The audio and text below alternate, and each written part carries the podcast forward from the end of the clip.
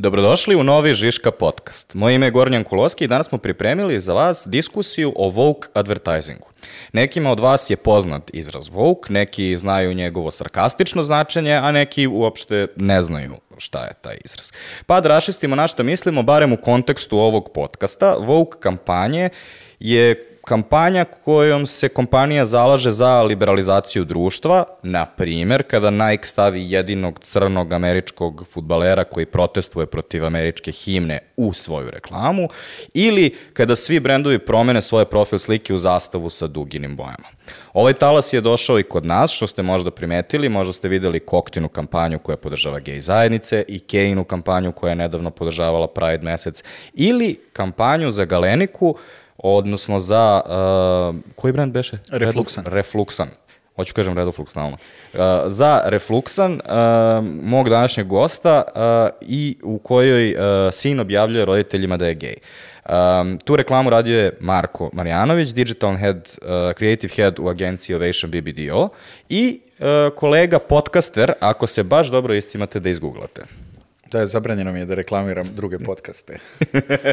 ne, apsolutno. Znaš ono kako ima onaj mim, da uh, podcasteri idu stalno gostuju... Jedni u, drugima. Tako to je, je to, da. pa zvaćemo i mi tebe. Ove, uh, ne znam da li mogu, ja, ja vas radim samo primrljene podcaste, ne znam da li mogu u tvoje da uće. Elem, spica. Vi slušate Šiško podcast. Marko, zašto si izabrao ovu temu? Pošto E. ja sam ti poslao neki spisak, ono, nekih 60-ak tema, ti si rekao, ovo je tema za mene. Pa, ovaj, izabrao sam ovu temu ba, baš iz tog razloga ovaj, da bi nabacili ono koji view emisije, zašto je to edgy. Ovaj, sada i onda ja ono, više volim da budem u takvim ovaj, emisijama, podcastima, nego da, nego da se bavimo nečim ono standardnim i, i o svemu tome. Da, da, mislim da je interesantnije da pričamo nečemu što će malo ono da, da, da, da, da podeli mišljenja ljudi, jer mislim da je to dobro, čak i ako su podeljene, ne moramo svi da mislimo isto. I, ovaj, I zbog toga mi je to bilo najinteresantnije, iako je bilo baš dosta ovaj, dobrih tema, a ovo smatram za kvalifikacije, pa možda me zovneš opet za šest meseci sa nekim drugim spiskom. Ag- Agent provokateur, dobro. Uh, ono što mene privlači uh, ovom, ovoj temi je što trenutno bukvalno imam centrifugu, uh, u smislu uh, sa jedne strane uh, postoje svi uh, društveno-liberalni pokreti um, koje uglavnom podržavam, A onda sa druge strane uh, vidim kako ono, na, na obodima tih pokreta se javljaju ljudi koji kao definitivno odlaze preodaleko i uh, nešto što mi se, prvo što mi se pojavilo ono u feedovima recimo kroz likove kao što je Bill Maher, Joe Rogan, Sam Harris, je uh, otišli smo predaleko. I taj deo mi je bio ono u fazonu kao ok, matori, boomeri, ono, pričaju sve. Međutim, uh, onda sam neke starije ljude koji žive na polju, zaista ono, pričao sa njima i oni su mi to izbacili sami. I kao, a, ne, pred, predaleko smo otišli u liberalizaciji. I to je ono, ono bukvalno se osjećam kao tako da, a, sa druge strane, živimo u Srbiji i onda nekako imamo tu podeljenost, uh, uvek jednim okom gledamo na zapad šta se tamo dešava i kao koje je stanje i pokušavamo da zaključimo iz svih različitih izvora. A sa druge strane, ovde smo i dalje praktično daleko iza tog talasa liberalizacije. Pa, ovaj, na- znaš kako ja tu vidim sve ovo, o, o, mislim kad si rekao to stariji ljudi, misliš 30 plus stariji ljudi naše, na, na, naše godina. Ne, Znaš što- Marko, ja sam 30 plus, ja sam mlad. mlad. Pa ne, ba- baš, mislim, to mi je bilo interesantno iz razloga što kao da li su te woke ovaj, teme, da li je to da li su to teme za mlade, da li se samo stariji ljudi e, ovaj, ljute ako je to glavna tema, ako je to, to glavna priča u društvu i tu gde je ta granica stariji i mladi kome smeta i, i, i, ovaj, i, i kome ne smeta. E, mislim da je, mislim da, na primjer, mi koji se bavimo ovim poslom i, i ono, mislim da pratimo malo više šta se sve dešava, da kažemo na, na zapadu ili kao u svetu ili, gde god sve i ako ti sedneš i pogledaš 10 reklama za redom koji imaju Vogue tematiku, ti ćeš biti kao u fazonu, jo, daj mi neku reklamu, ono, be, bez Vogue tematike. Ovaj, I mislim da što više obraćaš pažnju na te stvari, da više dobijaš ovaj, sadržaja koji se bave tom temom i da onda možda pomisliš da nečega previše ili, i, i, i, ili premalo ovaj, ba, da, da imaš mišljenje o tome. Ovaj, i, i upravo si 100% da kao ono, ka- kad kažeš da tako ti neki ono, ovaj, e, e, ljudi koji prave sadržaj ovaj, koji je sad realno za ceo svet to, tipa Mayer, Bill, Bill, ovaj, Joe Rogan ili bilo ko drugi o kome pričamo, pa na kraju dana i ono kao Elon Musk koji pravi sadržaj na kraju, na kraju dana. da.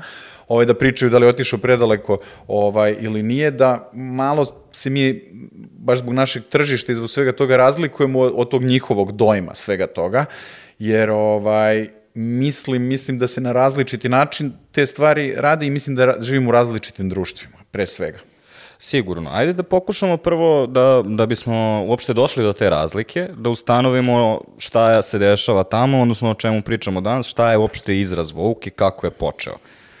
Kao, kako istorijski počinje izraz Vouk? Pa meni je ovaj, to, taj izraz, e, o, o, ovaj woke je e, kao sve više izraza tih novih koji se sada pojavljaju, brzo promeni svoju definiciju. Šta je značio pre ono šest meseci, a šta znači sada ili za woke, nemam pojma, ono nekoliko godina, verovatno unazad. I, ovaj, i taj e, termin woke je po mom nekom ono, ubeđenju najbliži pojmu e, politička korektnost, odnosno PC, ono kao political correctness, koji je kao i kod nas nastao, ne kod nas nastao, nego kod nas se pojavio, ono da kažem, kad su negde došli te neke demokratske promene nakon ono, ono 2000 da se pričalo o političkoj korektnosti, ko je politički korektan, odnosno ko ume da se izražava tako da ne uvredi nekoga drugog. I ovaj, on je jedan period i, i, i on je taj izraz politička korektnost bio pozitivan, odnosno kao daš nekome karakteristiku toga, e, on je veoma politički korektan, za razliku od svih ovih koji nisu politički korektni, onda možeš da ga staviš na neki spektar ova, posmatranja o, o, svega toga, ali kako je i ta reč krenula da se koristi, koristi, koristi, onda je to na kraju bilo, e, on je previše politički korektan. To znači da je mlak, to znači da je ovaj umeren, to znači da na, na tom spektru nije radikalan i da ne može ništa da, da, da, da dobiješ neku karakternu osobinu više od, od toga kao politički korektnost, odnosno sada wokeness, da to u stvari sve ovako stavi jednu maglu oko čoveka i ti da ne možeš da vidiš ko je on od svega toga. Mislim da, je, da, da ono kao, htjeli ne htjeli, to je tako, kad smo ja ti pričali o onoj temi, došli smo do Urban Dictionary, ali tako i do ono, o, o, ovaj, da, da dve e, naj, ono kao najbolje definicije svega toga su skroz kontradiktorne. Da, jedna je biti svestan istine koju sistem ne želi da znaš, Koja zvuči kao da je ono iz pesme Beogradskog sindikata. a, pa u stvari to je, prevod je sistem te laže. Tako je, to bukvalno. je prevod sistem telaž za Vogue. Da, i e, počelo je među afroamerikancima koji su to koristili e, u kontekstu um, institucionalnih nepravdi koje su osjećali tokom rasizma. Um, I e, možda je u ku, popularnoj kulturi najpoznatiji onaj izraz wake up sheeple, Da, da, da. ovaj, a da je odatle počelo kao počni da vidiš ono što ti ne govore. To Tako je je. otprilike originalni zna, način. Ali sada ako hoćeš da kažeš wake up sheeple, pretpostavljaju ljudi da si ciničan ironičan, sarkastičan, da se zezaš na tu temu. A, I druga definicija je kada jako pretenciozno brineš oko neke društvene nepravde. O, Ovaj, mislim da je ključna stvar u te obje definicije reč pretencioznost. I mislim da je, e, e, pogotovo u komunikacijama, i ovaj, pogotovo sada, 2022. i mislim da će još biti ovaj, još više, da će publika da kažnjava pretencioznost. I ne pričam samo o, e, ne pričam samo kao o advertisingu, nego o svim vrstama komunikacije, svemu u tome da neko ko nastupa sa neke ono pijedestala koji sam sebe postavi na neku visoku poziciju i onda priča dole, da to ne, da, da to ne može više da prođe. Ne kažem da ne može apsolutno, kapiram da negde nekad može da prođe, ali ta pretencioznost pravi razliku između toga da, da, da li si ti vouk u pozitivnom ili u negativnom smislu. Eto, to je mišljenje moje, nije ono... Ovaj, Ja bih otišao korak dalje u smislu uh, sigurno, a, ali uh, činjenica da uzimaš na sebe neku woke ideologiju ti ipak uh, daje određenu pretenziju. Ti pretenduješ da ćeš nešto promeniti. na, naravno, samo ono, mislim da je stvar doziranja. A i ovaj, takođe je svega toga. stvar, stvar toga koliko ti zaslužuješ kao brend da pričaš baš o tome. I kada Apsolut- pričamo apsolutno. o Nike-u, kao koliko dugo vi pro, ono, podržavate, na primjer, crne sportiste, a onda flip side toga je ono što im se desilo sa ženskim sportistima, gde Nike bi trebalo da bude šampion za sve sportistikinje i sportiste, a onda su se neke žene javile i bile u fazonu da, ali kada zatrudnimo onda nam ove, nemamo ugovor, više. da, da. Tako je. I e, onda je pitanje e, kako Nike, e, koliko ljudi veruju i kako će reagovati na sledeću Nike-ovu reklamu posle tog Kaepernika. Znači, koliko ljudi učitavaju da si ti kao brand ono, imaš, kako se kaže, zasluge ili koliko možeš da izneseš tu pretenziju u suštini.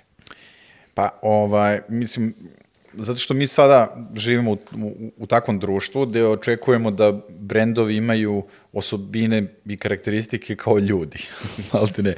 Tako da možda je i okej okay da dozvolimo da pogreše nekad. Mislim, kao što je ako je dozvoljeno ljudima da ono ispale nešto što je pogrešno, koje je ne politički korektno da urade nešto što je tako, a da se opet izvuku posle iz te situacije tako što ću raditi nešto dobro, kao što bi radi, dozvolili prijateljima.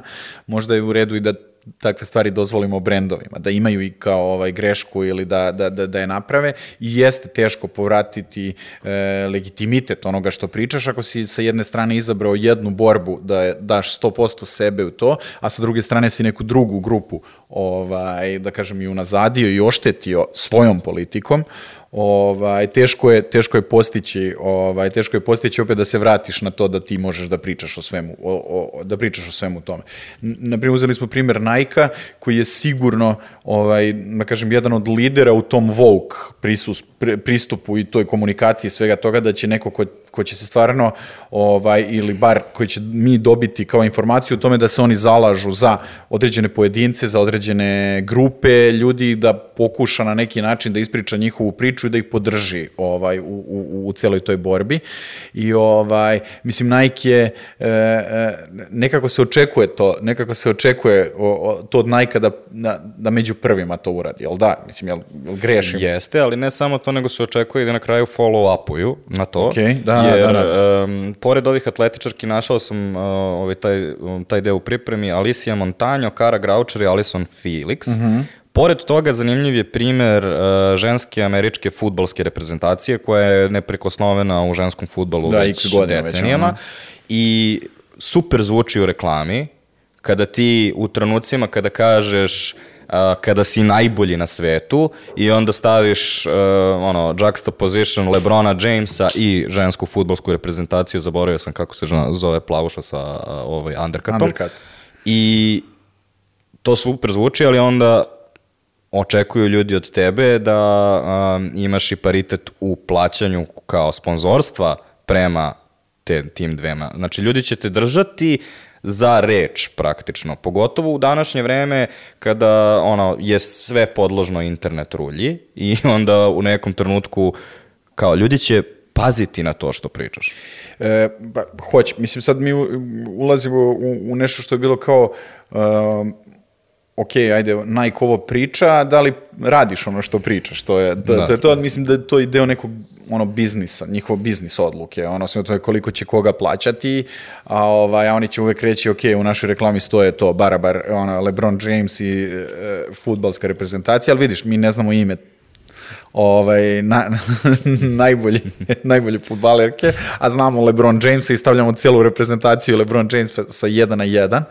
Ovaj, ali opet to je deo neke odluke. Onda sad ti nekome treba da kažeš, e, hvala ti što si se zauzeo za našu stvar, ali trebalo je još 40% više da se zauzmeš za našu stvar, što je dosta pipav teren, mm -hmm. ovaj, da, da, da, da, da nastupiš ono, prem, bar prema brendu, ono tako. Ja, ja se setio još jednog primjera, ovaj, ko, pri, od pre, u stvari sad već dve, tri godine, je pričao iz NFL-a o, o, o Washington Redskins mm -hmm. timu koji je evo sad promenio ime, on se dve godine takmičio kao Washington Football Team, odnosno FK Washington, Ova, ali bila bio veliki pritisak da oni promene ime, zašto je Redskins kao ono, kao pežorativni naziv za, za, za ovaj, Native Americans, ili što mi i dalje smemo da kažemo za indijance, a oni, ne, amerikanci ne, ne, nije baš okej okay reći.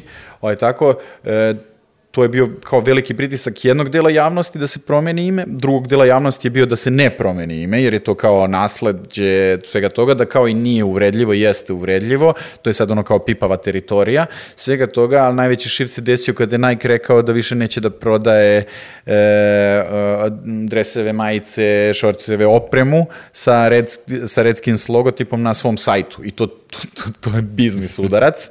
Ovo svega toga i onda čak i postoji sad kao priča među NFL fanovima o tome ko je promenio Washingtonu ime, Nike je promenio ime. Znači nije, nije, nije, nije društvo. Pa to je jedna od, ono, jedna od poslednjih moći koju advertising ima. Um, nekako, eh, kada god pričaš, to su samo reklame. To je nekako način na koji se često posmatramo i mislim da čak i mi u industriji često imamo taj uh, problem da sebe posmatramo kao samo reklamu i onda često pokušavamo da, da napravimo društveni pokret od nečega što nije. Ali jedina stvar, dobra stvar koju reklame rade jeste imaju pečat mainstreama. Kada dođe nešto u reklamu, ovo je normalno. Apsolutno. Ne, ne, apsolutno, zato što, mislim, ono, ovaj, ako nisu mainstream, šta, šta mi onda radimo? Ok, pravimo i mi, i vjerojatno i ono milion drugih agencija na svetu i neke reklame koje su samo za određenu nišu i koje neće doći u mainstream, ali da, upravo si, ono, reklame su apsolutni mainstream, ko hollywoodski film, možda čak i više. Ove, uh, ali jedna stvar koju ovde uh, ovaj, mislim da treba da rašestimo sada, um, ljudi kada čuju reč Vogue, oni odmah krenu na CSR, a, odnosno društveno odgovorno poslovanje, ali uh, Vogue se razlikuje od društveno odgovornog poslovanja. Mislim da treba da objasnimo ljudima pa, kako. E, da, mislim, CSR, društveno odgovorno a, poslovanje, je ovaj, o, ne mora da bude Vogue. Mislim, ne, ne mora da bude Vogue. Možemo mi imati CSR kampanju koja će da očisti park ispred e, naše centrale. To nije Vogue. Mislim, ko, ko misli da ne treba da očistimo park. Mislim, ne postoji ni jedan, ne postoji ni jedan argument, da, da, ne argument, ne mišljenje da taj pas, park treba da ostane prljav. To je spasimo kuce, e, sakupimo novac za nečije lečenje ili deso. To je CSR. Pa evo sad, um, kampanja koja je obeležila prethodnu godinu, realno je Superhero, ovaj, koji su radili McCann sa Mastercardom. Mastercardom, da to je CSR kampanja, to je ali CSR nije kampanja. Vogue. Nije, kampanja. ne, ne, ne, apsolutno nije Vogue, zato što nema, ovaj, nema ni jedan element toga, mislim, ono super je kampanja, da ne pomisli ljudi da sad pričamo, ovaj, ne, ne, nešto Ne, samo je druga taktika. I... Samo je apsolutno druga, apsolutno druga taktika, zato što je izabrala, iz, prona, pronašli su problem i ponudili su rešenje iz svog nekog ono korporativnog sveta šta mi možemo da uradimo, a to je možemo da kreiramo komunikaciju i da skupimo novac koji će pomoći lečenje određenog broja ljudi i ovaj, mislim, super stvar. Što više CSR kampanja, ovaj, možda i advertising dođe na malo bolji glas. Ovaj. Ove, uh, ali ovo je, znači, Vogue taktika je drugačija po tome što moraš, ti si rekao, ko misli da ne treba da sredimo park? Znači, mora da bude određena doza rizika i ako se sećaš kada je Kapernik krenuo, mm -hmm. odnosno kada je kampanja krenula, um, paralelno sa njom krenuli su oni videi ljudi koji spaljuju svoje najke. Jasno. Um, to je nešto što moraš da, da računaš. Ako praviš ovu kampanju, neko će da se trigiruje. Pa mislim da, mislim da je ono kao je, je jedan bitan aspekt Vogue kampanje koje CSR kampanja ne mora da ima, to je edukacija nekoga na, ne, na, ne, na neki način. Ti nekoga informišeš nešto, što može da mu se dopadne ili ne dopadne, ali ga informišeš u odnosu, e, pričaš o tome kako je nekoj grupi ljudi teže, kako neka grupa ljudi ima problem ili pojedinac, uopšte ne mora da bude kao, kao, kao, kao grupa ljudi. I možeš da očekuješ neki ono ovaj backlash sve, te tvoje komunikacije da će jedan deo tvojih ovaj kupaca, klijenata kako god da, da nazoveš da im se neće dopasti to što ti pričaš. I to je najveća barijera uh, e, kod, kod klijenata ne kao, ne kao sa razlogom je, je, je to barijera da uđu uopšte u komunikaciju koja u sebi nosi taj neki Vogue trenutak, zato što e, možemo da ga nazovemo, to je provokativan, provokativan tre, trenutak svega toga. Ko, što se tiče Kolina Kaepernika, mislim da je dosta e, na primjer, ljudi kod nas saznalo uopšte ko je Colin Kaepernick kada se pojavila e, Nike Pa, kampanja. On nije bio baš neki pretrano dobar quarterback. Pa, okej, nije zadnjih par godina, ali kada se pojavio, bio je do, veoma dobar quarterback, ali kao ko ovaj, prati NFL zna da, da to baš može da varira iz godine u godinu, posebno kod quarterbacka.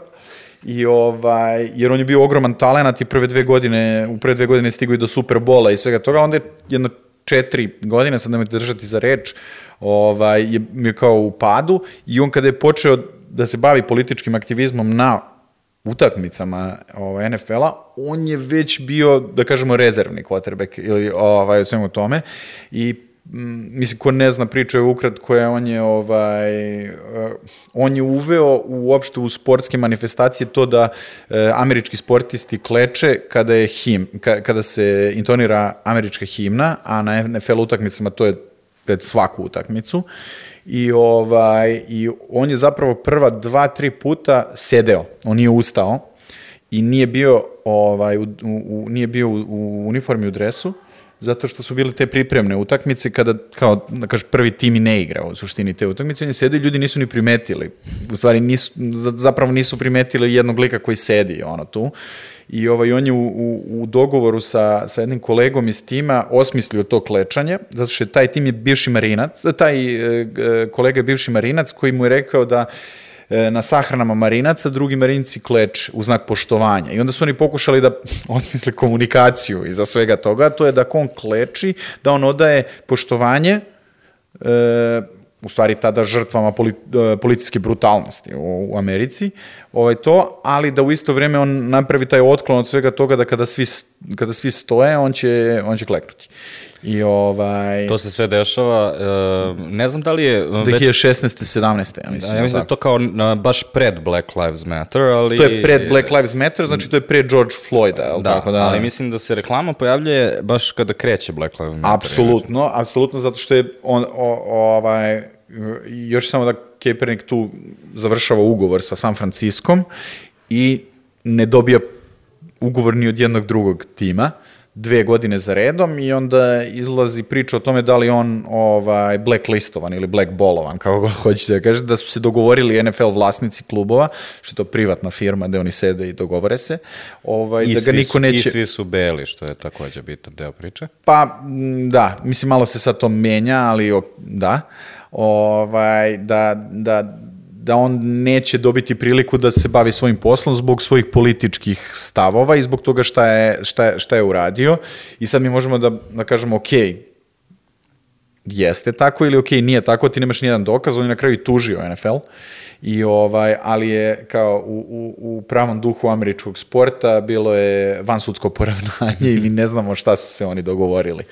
Ali znamo šta je Nike objavio. Znamo što je Nike objavio, Nike je njega uvrstio u kampanju zajedno sa sportistima e, koji su u tom trenutku bili i dalje aktuelni ovaj, i bili su i dalje ti, ono, kažemo, taj top tier američkih sportista, superstarova. Ona Serena Williams je, je u istoj kampanji i ona se Venus, zove Serena, LeBron, ženski Dream, Dream Crazy se zove kampanja. U suštini tagline je um, o, ovaj, veruj, ono, juri svoje snove čak i kad te košta sve. Tako je. Znači, Što je onako baš lepo naseda na Kapernikovu Pa, priču. na njegovu priču, e, iz toga zašto je to ono kao ovaj, believe in something even if you mean sacrifices ev- everything, ovaj, što ti možeš da kažeš, e, treniraj tenis, pa makar izgubio prijatelje, e, slobodno vreme, sve desno, ili sa druge strane, klekni, politički se opredeli, pa makar to značilo da ćeš da izgubiš posao. Mislim, onako, dosta je, dosta je širok, širok pojam. A sa jedne strane to im omogućava taj kontinuitet sa sveme, svime što su do sada radili, zato što taj slogan bukvalno je ono, iz manifesta Nike-a. Sve jasno. A sa druge strane, malo im omogućava i plausible deniability, odnosno da mogu da se izvuku u nekom trenutku, zato što, kao, nismo mi rekli, ono, super, klečite svi i tako dalje, nismo se petljali u politiku, samo smo stavili ovog lika, koga svi znate, u reklamu i onda smo njemu dali ovog slogan. lika koga svi znate zbog toga, a ne zbog sportskih uspeha u tom trenutku. To je ovaj to. Veoma je jedna jako bitna stvar je da Nike ima ugovore verovatno sa ono 90% NFL igrača. NFL klubova, mislim ne znam sad tačne brojke, ali ono kao Nike je brand koji je NFL, američki futbal i Nike, tu su ono kao što je bio pre Reebok, sad je Nike, mislim, ko zna šta će biti sutra ili kad god ti ugovori se obnavljaju, ali oni su izabrali u tom trenutku kada taj čovjek ratuje sa NFL-om da oni podržavaju obe strane, što je fenomenalno. Ove, I ono što kada Znači, kada rizikuješ na taj način, uh, ono što se um, dešava je rešavaš onaj problem CSR-a koji uh, se jako često pojavi u drugom koraku, a to je optužbe za licemerje, odnosno vi ovo radite samo zbog para i zašto niste jednostavno dali i ćutali i tako dalje, zato što ovde rizikuješ. Um, recimo, naj, najbolji primer koji sam uh, za to iskopao je, znaš ono za hotele i peškire? E, šta je fora, nemojte da perete peškire. Zbog okoline. kao, kao, pa vama baš odgovara da ja budem ekološki svestan i da ne perem peškir. Ovaj, ta, ono, ta vrsta licemerja postoji ono, u CSR-u i ona je uvek problematična u trenutku kada kreneš u komunikaciju, jer društveno odgovorno poslovanje nije samo to, nego je Absolut. takođe i komunikacija tvoje društvene odgovornosti, što onda ovaj, stvara problem. Apsu, apsu, apsolutno mislim, kao, ovaj, znaš, kao medalja ima dve strane. To je isto kao kad bi rekao što političari otvaraju autoput eh, kad je izborna godina. Pa zato što je izborna godina. Mislim, za, zato otvaraju kao, ali nam ne treba autoput, pa treba nam. Pa mislim, treba nam i njima je potrebno obe stvari, nama su potrebne obe stvari i onda to tako nekako funkcioniše nekim tim prećutnim ovaj, dogovorom. Mi možemo da pričamo da li neko ono e, iz dobrote svoga srca nešto radi. Možemo da tako da pričamo i o ljudima, jel da, ono kao, ovaj, i mi kad doniramo, pošaljemo SMS, pa onda okačimo na Twitter print screen SMS pomoći nekome kome šaljemo, ok, jel malo i sebe reklamiramo u tome, ali možemo da kažemo, ali ja sam to uradio da bi drugi videli ovaj, da i oni to treba da urade, a znaš, možeš da sediš kući i da šalješ SMS i da ćutiš, ali izabrao si da, da, da i taj tvoj potez ima i komunikaciju iza, ovaj, iza svega toga da bi proširio priču filozofsko je verovatno neko pitanje, sigurno nisam kvalifikovan da donesem ono kao neku ono... najkvalifikovaniji, zato što ti, ono, ovo s čime se mi bavimo je u suštini ovo je, ne postoji, ne možeš da, da ga izvezeš na filozofe zbog toga što je komunikacijsko pitanje. Jeste komunikacijsko pitanje i, i isto da li kažem, ali da li je ono kao, e, e, da, da li je samo iz dobrote moga srca to ili iz dobrote brendovskog srca, ovaj, pa bit ću slobodan da kažem da nije, ništa nije apsolutno iz dobrote tvoga srca. Ja se uvijek stalno setim ovaj, te priče, mislim, ok, možda malo, ta, ono, malo je mračnija, ona priča svega toga, ali kada je Toši Proeski poginuo, izašla je priča da je on izdržavao tri ili četiri porodice i da niko nije znao za to. Mm -hmm. I ovaj, da, apsolutno niko, niko nije znao za to i onda je samo izašla priča nakon toga da je da njegova devojka tada to posle, da, ne znam da li i ona znala ili neko, nego kad, si, kad su došli računi na kraju meseca ili ne pojma I ja sam to pomislio i rekao kao, čeč, ovo je iz dobrote svoga srca. Znači, ono, mm -hmm. ti si javna ličnost, moglo, moglo je da bude te, tekst, bilo gde PR tekst o tebi da si ti izdržavao x ljudi koji nisu imali da, da, dovoljno sredstava da se izdržavaju, a to se saznao nakon tvoje smrti. I onda se bio kvazono, aha, je li to jedini savršeni put da ti nekome pomogneš nešto ili nije? Ili, ili da li umanjuje pomoć ako si ti komunicirao da si, da, da, da si ti nekome pomogao? Ne, e, o tome pričamo o filozofskom delu. Ja kao neko ko radi u komunikacijama i koji će uvijek ono, izabrati da, da, da ubedi brand klijenta ili kako god da nekome pomognemo i, i ti sigurno i znaš kako to funkcioniše ovaj, mislim da manje puta smo radili CSR ili Vogue kampanje da je neko došao i rekao e dajte nam CSR kampanju mislim da smo više puta došli da smo i osmislili neku kampanju pa da je ona mogla da ima komunikacijski pandan ono kao u CSR-u i da smo došli i predložili da je klijent rekao ok, koliko to košta, ajde da ovaj, ajde da pomognemo da, da se nekako zaokruži cela ta priča. Ne znam da li se gubi moć e, te pomoći time ako ti to komuniciraš. Ja mislim da ne, ali nekim ljudima ovaj to može da bude problem. Zašto se taj brand bavi tom temom, oni samo hoće da prodaju više patika ili oni samo hoće da prodaju više X ovaj, x proizvoda. Mislim da niko, uh, to je lažna dihotomija u smislu uh, ne postoji entitet, bilo osoba, bilo brand, bilo kompanija, organizacija, kružok, um, komuna, šta god imaš, koja ima samo jednu stvar.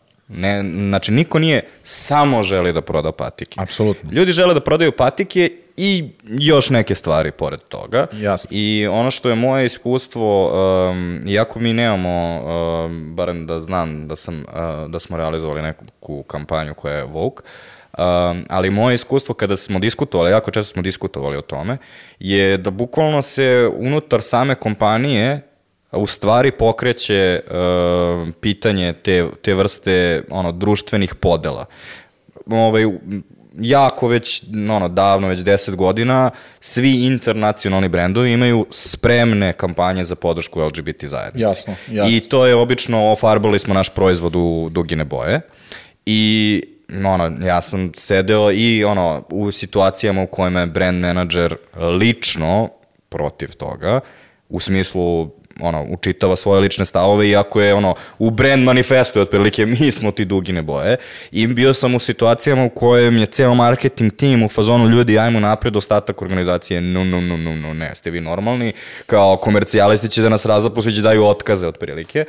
Kao, mislim da, m, no, lažna dihotomija je da ljudi to rade samo zbog para. Mm -hmm. A, već, ono, jednostavno, ljudi u kapitalizmu pokušavaju da balansiraju i da ono svi budu namireni, ljudi mogu da jedu, ono prodaju se proizvodi, ali da urade još nešto ovaj povodom toga. Što je dosta teško ljudima da shvate jer kao nije crno-belo, nego je negde u sivom. I onda ono što pravi u stvari problem je u trenucima kada neka kompanija ono, da 10 dinara i onda napravi za 10.000 evra event koji promoviše što su dali 10 dinara. Znači, to je neki ono kao balans koji moraš da pogodiš.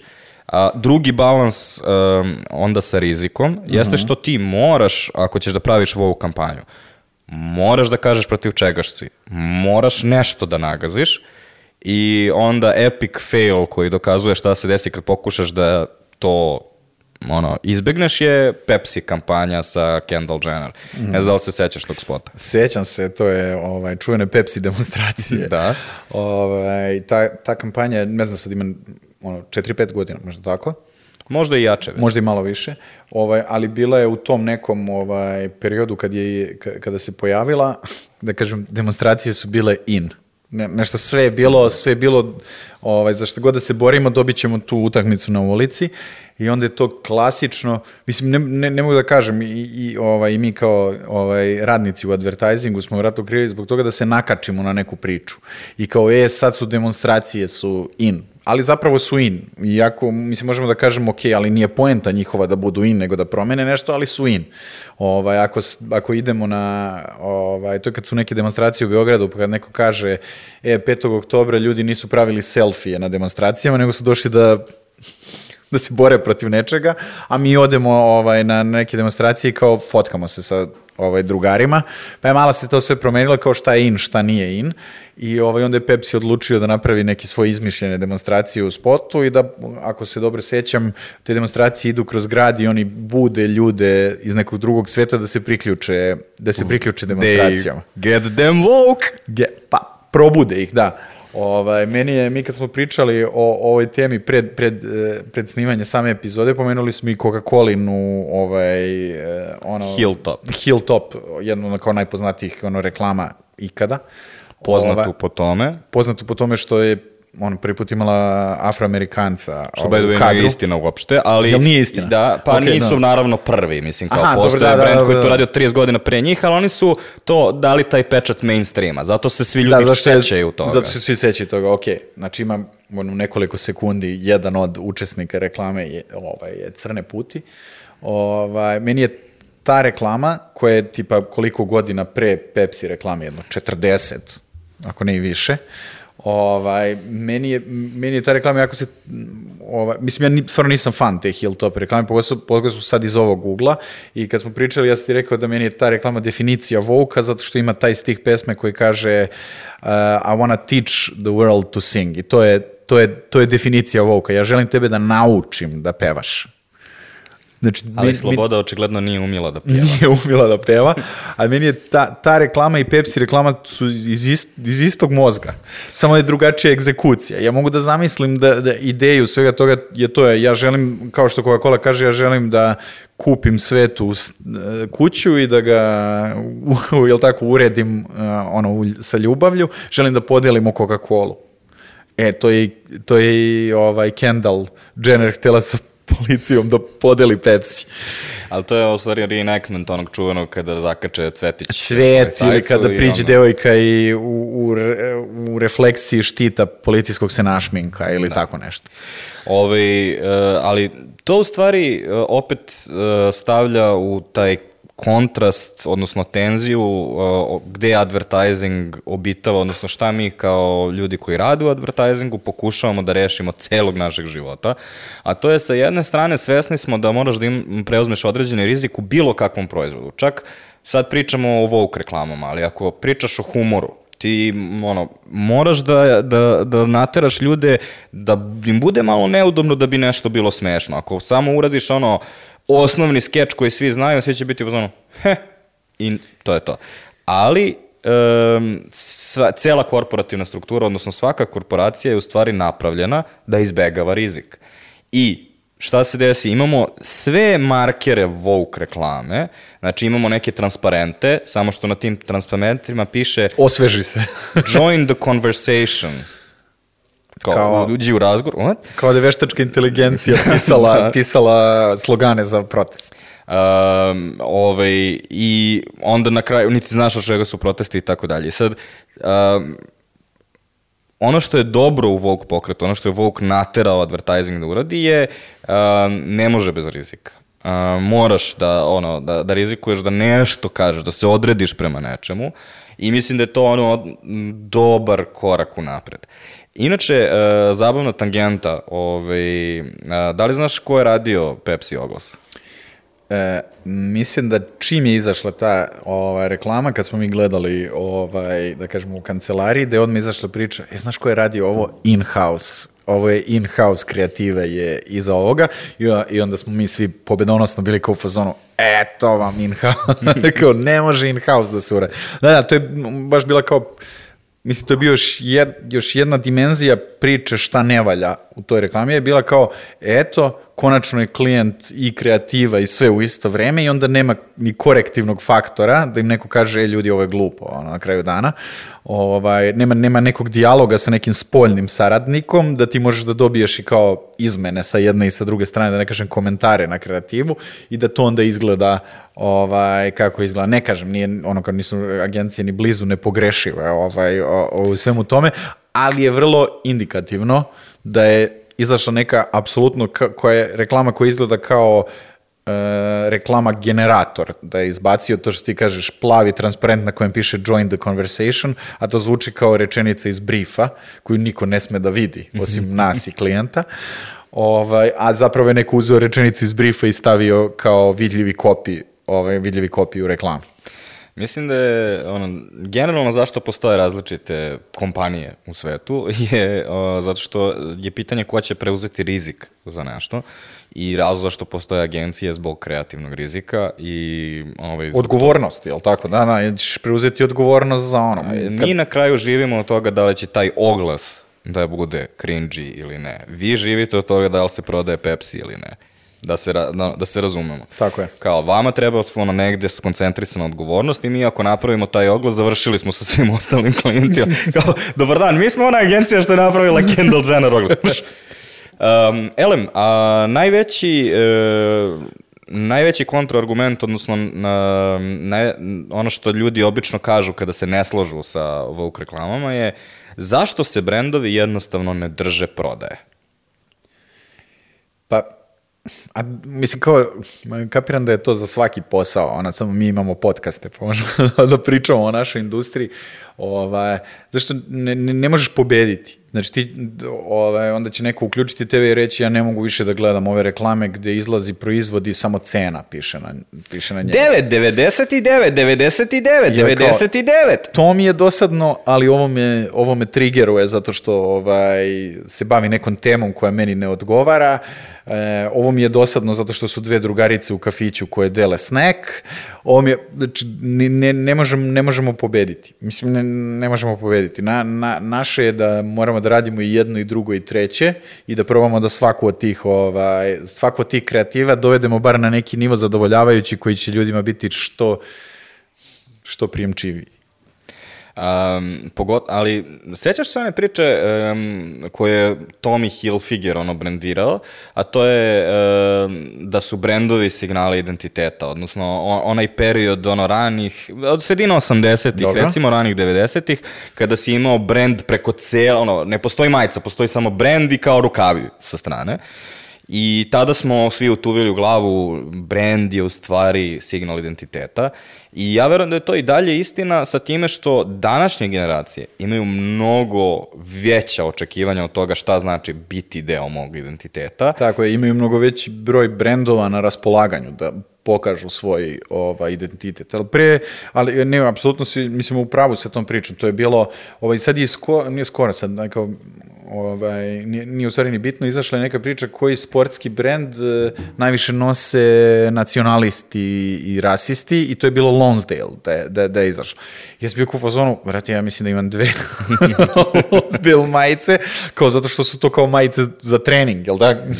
kao ne, ne, neki taj, taj fazon, ali kao, ali jeste pre ono, je bilo čak i to, da kažeš, ako je, a, pa sad, možda i dalje i kod nas je onako nosiš ono crnu ili belu majicu sa džinovski logotipom nekog fashion brenda, otprilike mogu da prepostavim gde izlaziš u petak ili subotu, onda na osnovu toga mogu da prepostavim koji auto voziš, na osnovu toga mogu da prepostavim s kim se družiš, na osnovu toga mogu da prepostavim koje filmove i serije gledaš. Naravno, to je sve stvar ono, ovaj, moje percepcije koja uopšte ne mora da bude tačna, Ovaj, ali ako, na primjer, nosiš ovaj brend, onda znači da si punker, ako nosiš ovaj brend, onda, ako si punker, onda sa tobom nosiš taj ovaj, set karakteristika i to je, mislim, a tako i mi pravimo target grupe, je li tako?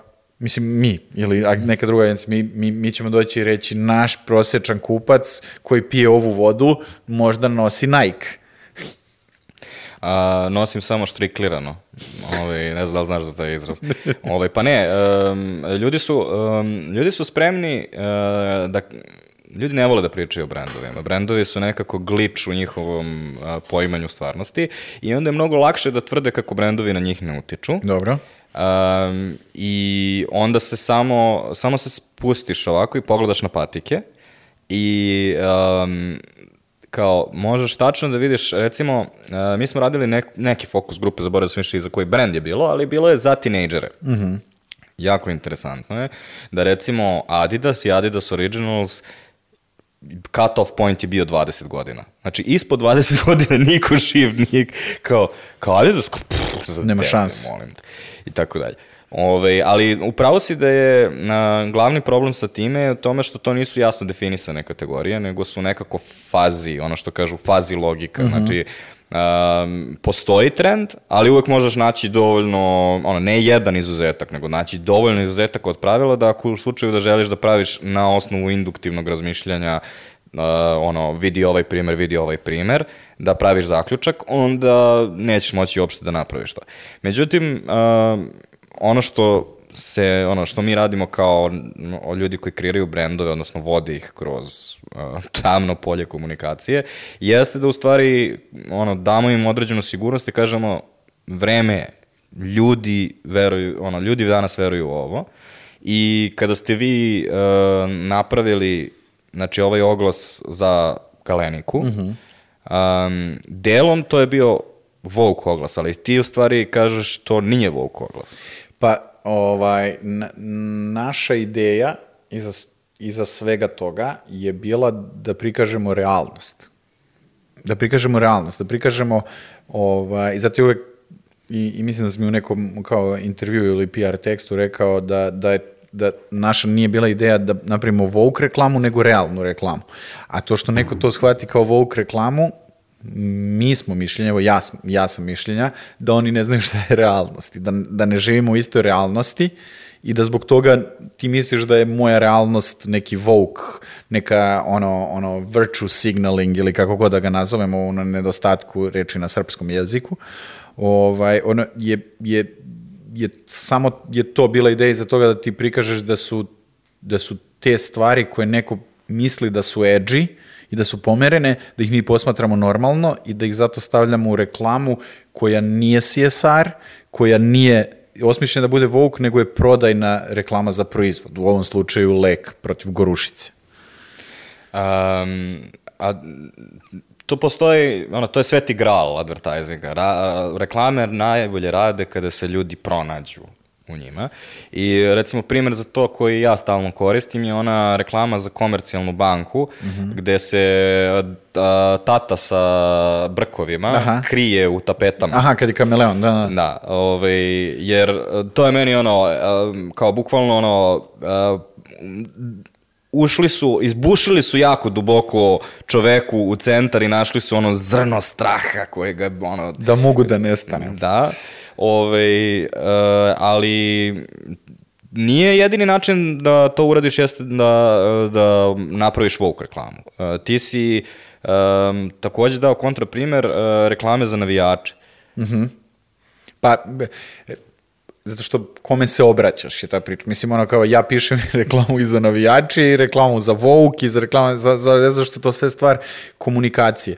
Ovaj, sve to, mislim, da, da li će se neko uvrediti da li će se neko uvrediti ako ovaj, mi u pivskoj reklami imamo navijače koji se spremaju da idu na utakmicu i pevaju i možda su malo agresivni ili to levo desno. Da li ćemo reći, je ne treba to da, im, da imaš kada zapravo pogledaš kroz prozor i vidiš tu reklamu u kafiću ispred svoje kuće. Jeste vi radili onaj uh, lav navijačku pesmu? Nis, nismo, E, ali ona sam- mi, je, ona mi je bila u glavi sad Da. dok sam ovo pričao. Pa zato što je, uh, baš su to bile reakcije, ne, ono, nije postojalo ništa de facto u reklami što je ono bilo problematično. Ljudi su bili fazonu, ovaj vibe je veoma Ali agresivan. taj vibe je, postoji. Mislim, taj, mislim, može da ti se dopadne izvedba m, ono, same reklame, ono kao je, da, da, da li su svi obučeni tako ili nisu, da li pevaju ovu pesmu ili ne pevaju.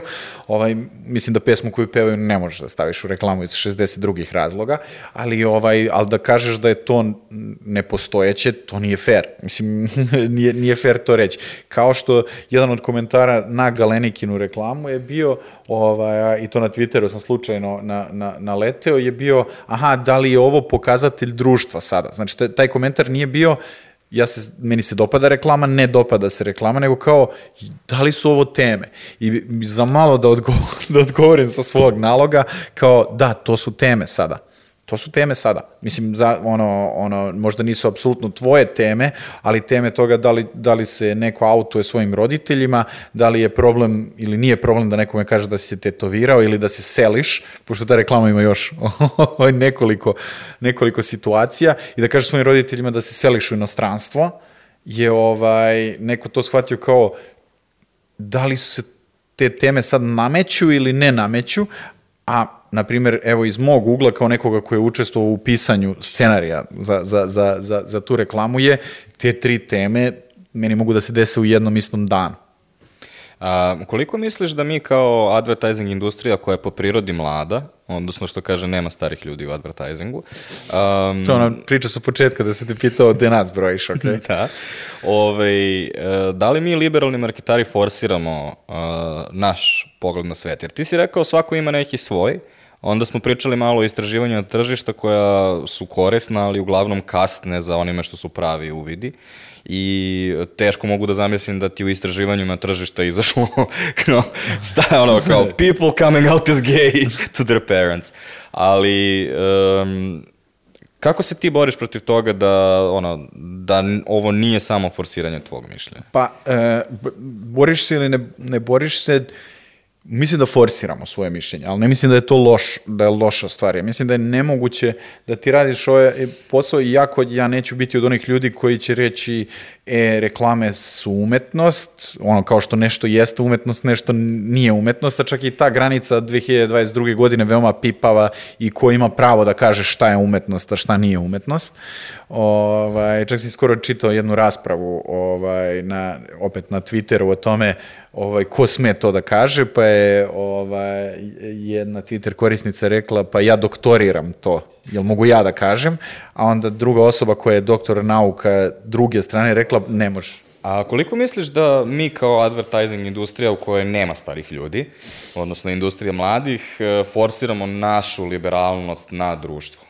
Pa mislim da forsiramo, za, u stvari forsiramo nešto što su naša lična verovanja, pa ako neko od nas nije liberalan, on će forsirati nešto što nije liberalno, zato što mislim koliko god da verujem u to da reklame nisu umetnost, odnosno da neki deo nečega može da bude umetnost, posebno 2022. godine, mislim da ipak ubaciš neki deo sebe u celu tu priču. I ovaj, evo, ja kao neko ko ovaj, pre svega se bavi pisanjem, ovaj, bilo šta iz mog ličnog života može da me pogodi, da mi da ostane zapamćeno, neko od mojih drugara može da kaže neku rečenicu ili da ispriča priču koju ću ja posle sebično monetizovati tako što ću ovaj, ubaciti u scenariju za reklamu, u kopi za billboard ili bilo šta drugo. Uh, ovaj, jer mislim da ne, ne može da se pobegne od toga i ovaj, mislim da ćemo pobeći od toga sada kada, ovaj, e, kako se zove, veštačka inteligencija, ne znam da li si vidio, veštačka inteligencija počela piše kopi, ja sam se toliko oberadao bio kao pozonu, jedva čekam, za me, zamenite me, ja ću sedeti za tim kompjuterom koji piše. Ovaj, to sve, ali mislim da ne možeš da pobegneš od svega toga. Ja, ja se uvek setim priče ovaj, e, koju sam imao e, s jednim psihologom, koji mi je rekao, ovaj, Marko, da li ti zato što da li ti radiš u advertisingu zato što želiš da živiš e, sa ženom, muškim i ženskim detetom i labradorom u beloj kuhinji? Mm -hmm. Ili advertising izgleda tako zato što ti želiš e, zato što ti to želiš. Mislim, da li je jedno, da, šta je starije, kokoška ili jaje? Tako da, mislim da svi tako nešto ubacujemo u komunikacije, nešto svoje, pa makar to bila savršena porodica koja živi na zelenom proplanku ili to bio ovaj, ne, naš neki prijatelj ili neko ko se autuje svojim roditeljima ili mi sami, šta god. Pa, postoji taj neki uh, preovlađujući mainstream i to je ono što hladno pivo zove kako izgleda sreća kad se uveća. I onda, kao i svaka mimetika, mi u nekom trenutku ubacimo neku drugu ideju, pa nešto malo se izmeni i tako dalje. Možda mi je dobar primer za to ako se sećaš onih neo reklama. Dobro. Koje u suštini nisu ništa govorile zaista, ali jesu bile totalno stilistički nov pristup ono, obrađivanju te teme i ono, jesu pomerile ono, mainstream da uključuje sada i nešto što je praktično Burning Man. Uh mhm, -huh, Jer kao, uh mhm. -huh. oni su uzeli celu tu estetiku i prvi put je prikazali ovde. I od tada, ok, postoje brendovi koji se i dalje drže mama, tata, pas, kravata, ali takođe, ono, otvorili smo i novu aveniju koja je, ono, sada dostupna nekim brendovima. Mislim da ono što je veći problem je, kada pričamo o Vogue stvarima, niko ne voli da budeš Vogue za ono što nije za mene, u smislu kao niko ne voli da budeš Vogue protiv njega ili nje, I to je ono što ljude triggeruje, kao, aha, vi ste sada, a ja, vi ste sada nešto uh, rekli, a ja sam protiv toga. Pa jeste, mislim da je stvar tih godina kojih se stalno, ovaj, koji ko, ko već više puta ovaj, pominjemo. Mislim da šta je Vogue za mene ili za moju generaciju nije Vogue za nekoga ko ima 17-18 godina, a previše je Vogue, na primjer, za generaciju mojih roditelja. Ovaj, jer mislim da je i, i, i tu postoji ta neka ovaj, barijera. Postoji eh, jedan komičar kojeg ja obožavam, zove se Jim Jeffries i on ima priču o tome kako je on ubedio svog oca, ja mislim u Australiji, eh, da glasa za legalizaciju gej brakova. I on kao, ej, ja sam ga ubedio. Znači, on je mene saslušao kao svog sina i on je glasao za ovaj, gej brakove, ali on ne može da razume transgendere. Kao, ej, od njegove generacije smo dobili, dobili smo toliko. I ovaj, mislim da ima stvarno veze sa godinama i da će se to sve više menjati i, ovaj, i, i kao što meni nešto može da zasmeta u nečijoj komunikaciji, ne mora čak brenda ili bilo koga drugog, i ja da budem u fazonu, e, sad ste ga malo preterali, ne znači ni da sam ja u pravu, ni da su oni u pravu, nego da je to stvar razgovora, što bi rekao Pepsi, join the conversation, pa ćemo videti, ovaj, pa ćemo videti šta je, šta, šta je izlazak iz svega toga. Ali, ne, samo mi, ono, to, to, to sam htio da kažem da kao, e, ovaj, ako je nekome zazvonilo, na primjer u Galenikinoj reklami to, ovaj, tata ja sam gej, ili je, mm, ono, selimo se u Nemačku, zazvonilo, neko, neko je samo prešao preko toga i nije, i uopšte nije video ništa drugo zato što to ima u svojoj kući, e, to ima kod svojih prijatelja, to ima u filmovima, to je gleda, ko ima mu- muzici koje gleda i to za, to za neke ljude nije woke uopšte. Zato ja pokušavam da, da objasnim da, da Galenirkina reklama, ok, nemam problem da, da, da dobije kao etiketu uh, woke ali zašto ja ne vidim kao samo woke reklamu? Postoji još jedna grupa ljudi koja se uvek javlja kao, um, ona, koja se javlja kao negativna, odnosno kao neko ko protestuje. Ja ih zovem uh, profesionalne pokondirane tikve. Ovaj, a to, je, to su ljudi koji, ako ti napraviš proizvod koji je dovoljno uspešan, uh, ne postoji način da se svima dopadne. Mora da postoji neko ko će nešto da zasmeta. I e, čim imaš reklamu koja malo zatalasa, koja na bilo koji način izađe iz očekivanih okvira, um, postoje ljudi koji će biti u fazonu, o, vidi ove, jo, strašno. I čak kada uopšte nije riskantna na neki woke način ili na bilo šta drugo, nego um, samo je ljudi primete. Naći će način šta da bude tamo što je problematično. Ja, ja to, ja prvo, ono kao, ono što, što bih primetio, tu je kao, to je kao kad se priča, na primjer, o električnim automobilima i onda će neko da se pojavi i kaže, ma nije automobil, bre, dok ne čuje motor da, da, da brunda. A kao, svi možemo da se pogledamo u oči ili ne i da kažemo da, da električni automobil, mi moramo preći na električne automobile, ako za x godina, ako budemo želeli da odemo od mesta do mesta B brže od hodanja. Mislim, kao mi ne, ne, znači kao ne, nećemo to kao rešiti i onda ćemo voziti automobile na dizel i na benzin u zabavnim parkovima gde će biti pogledajte automobil na dizel i benzin. Ali a, a, ali ljudi koji će doći reći ma pusti me sa električnim automobilima, te pokondirane tikve ili kako god da ih ovaj, na, nazovem, kao to su pokondirane tikve unazad, jel tako? Mislim, mm -hmm. ono, retrogradne pokondirane tikve. Ono što mi bilo kod njih je, mislim da u tome dolazi e, i do tog razloga što neki ljudi smatraju da oni imaju tapiju da pričaju o nekim stvarima. I mislim da je i to je jedna stvar koju advertising može da promeni, da uradi da, kod ljudi, da stavi da svi možemo da pričamo o svemu, samo naravno neko ima kredibilitet nešto da priča, a neko nema, to je to, ali to je stvar dijaloga, toga u kojem ćemo mi to videti.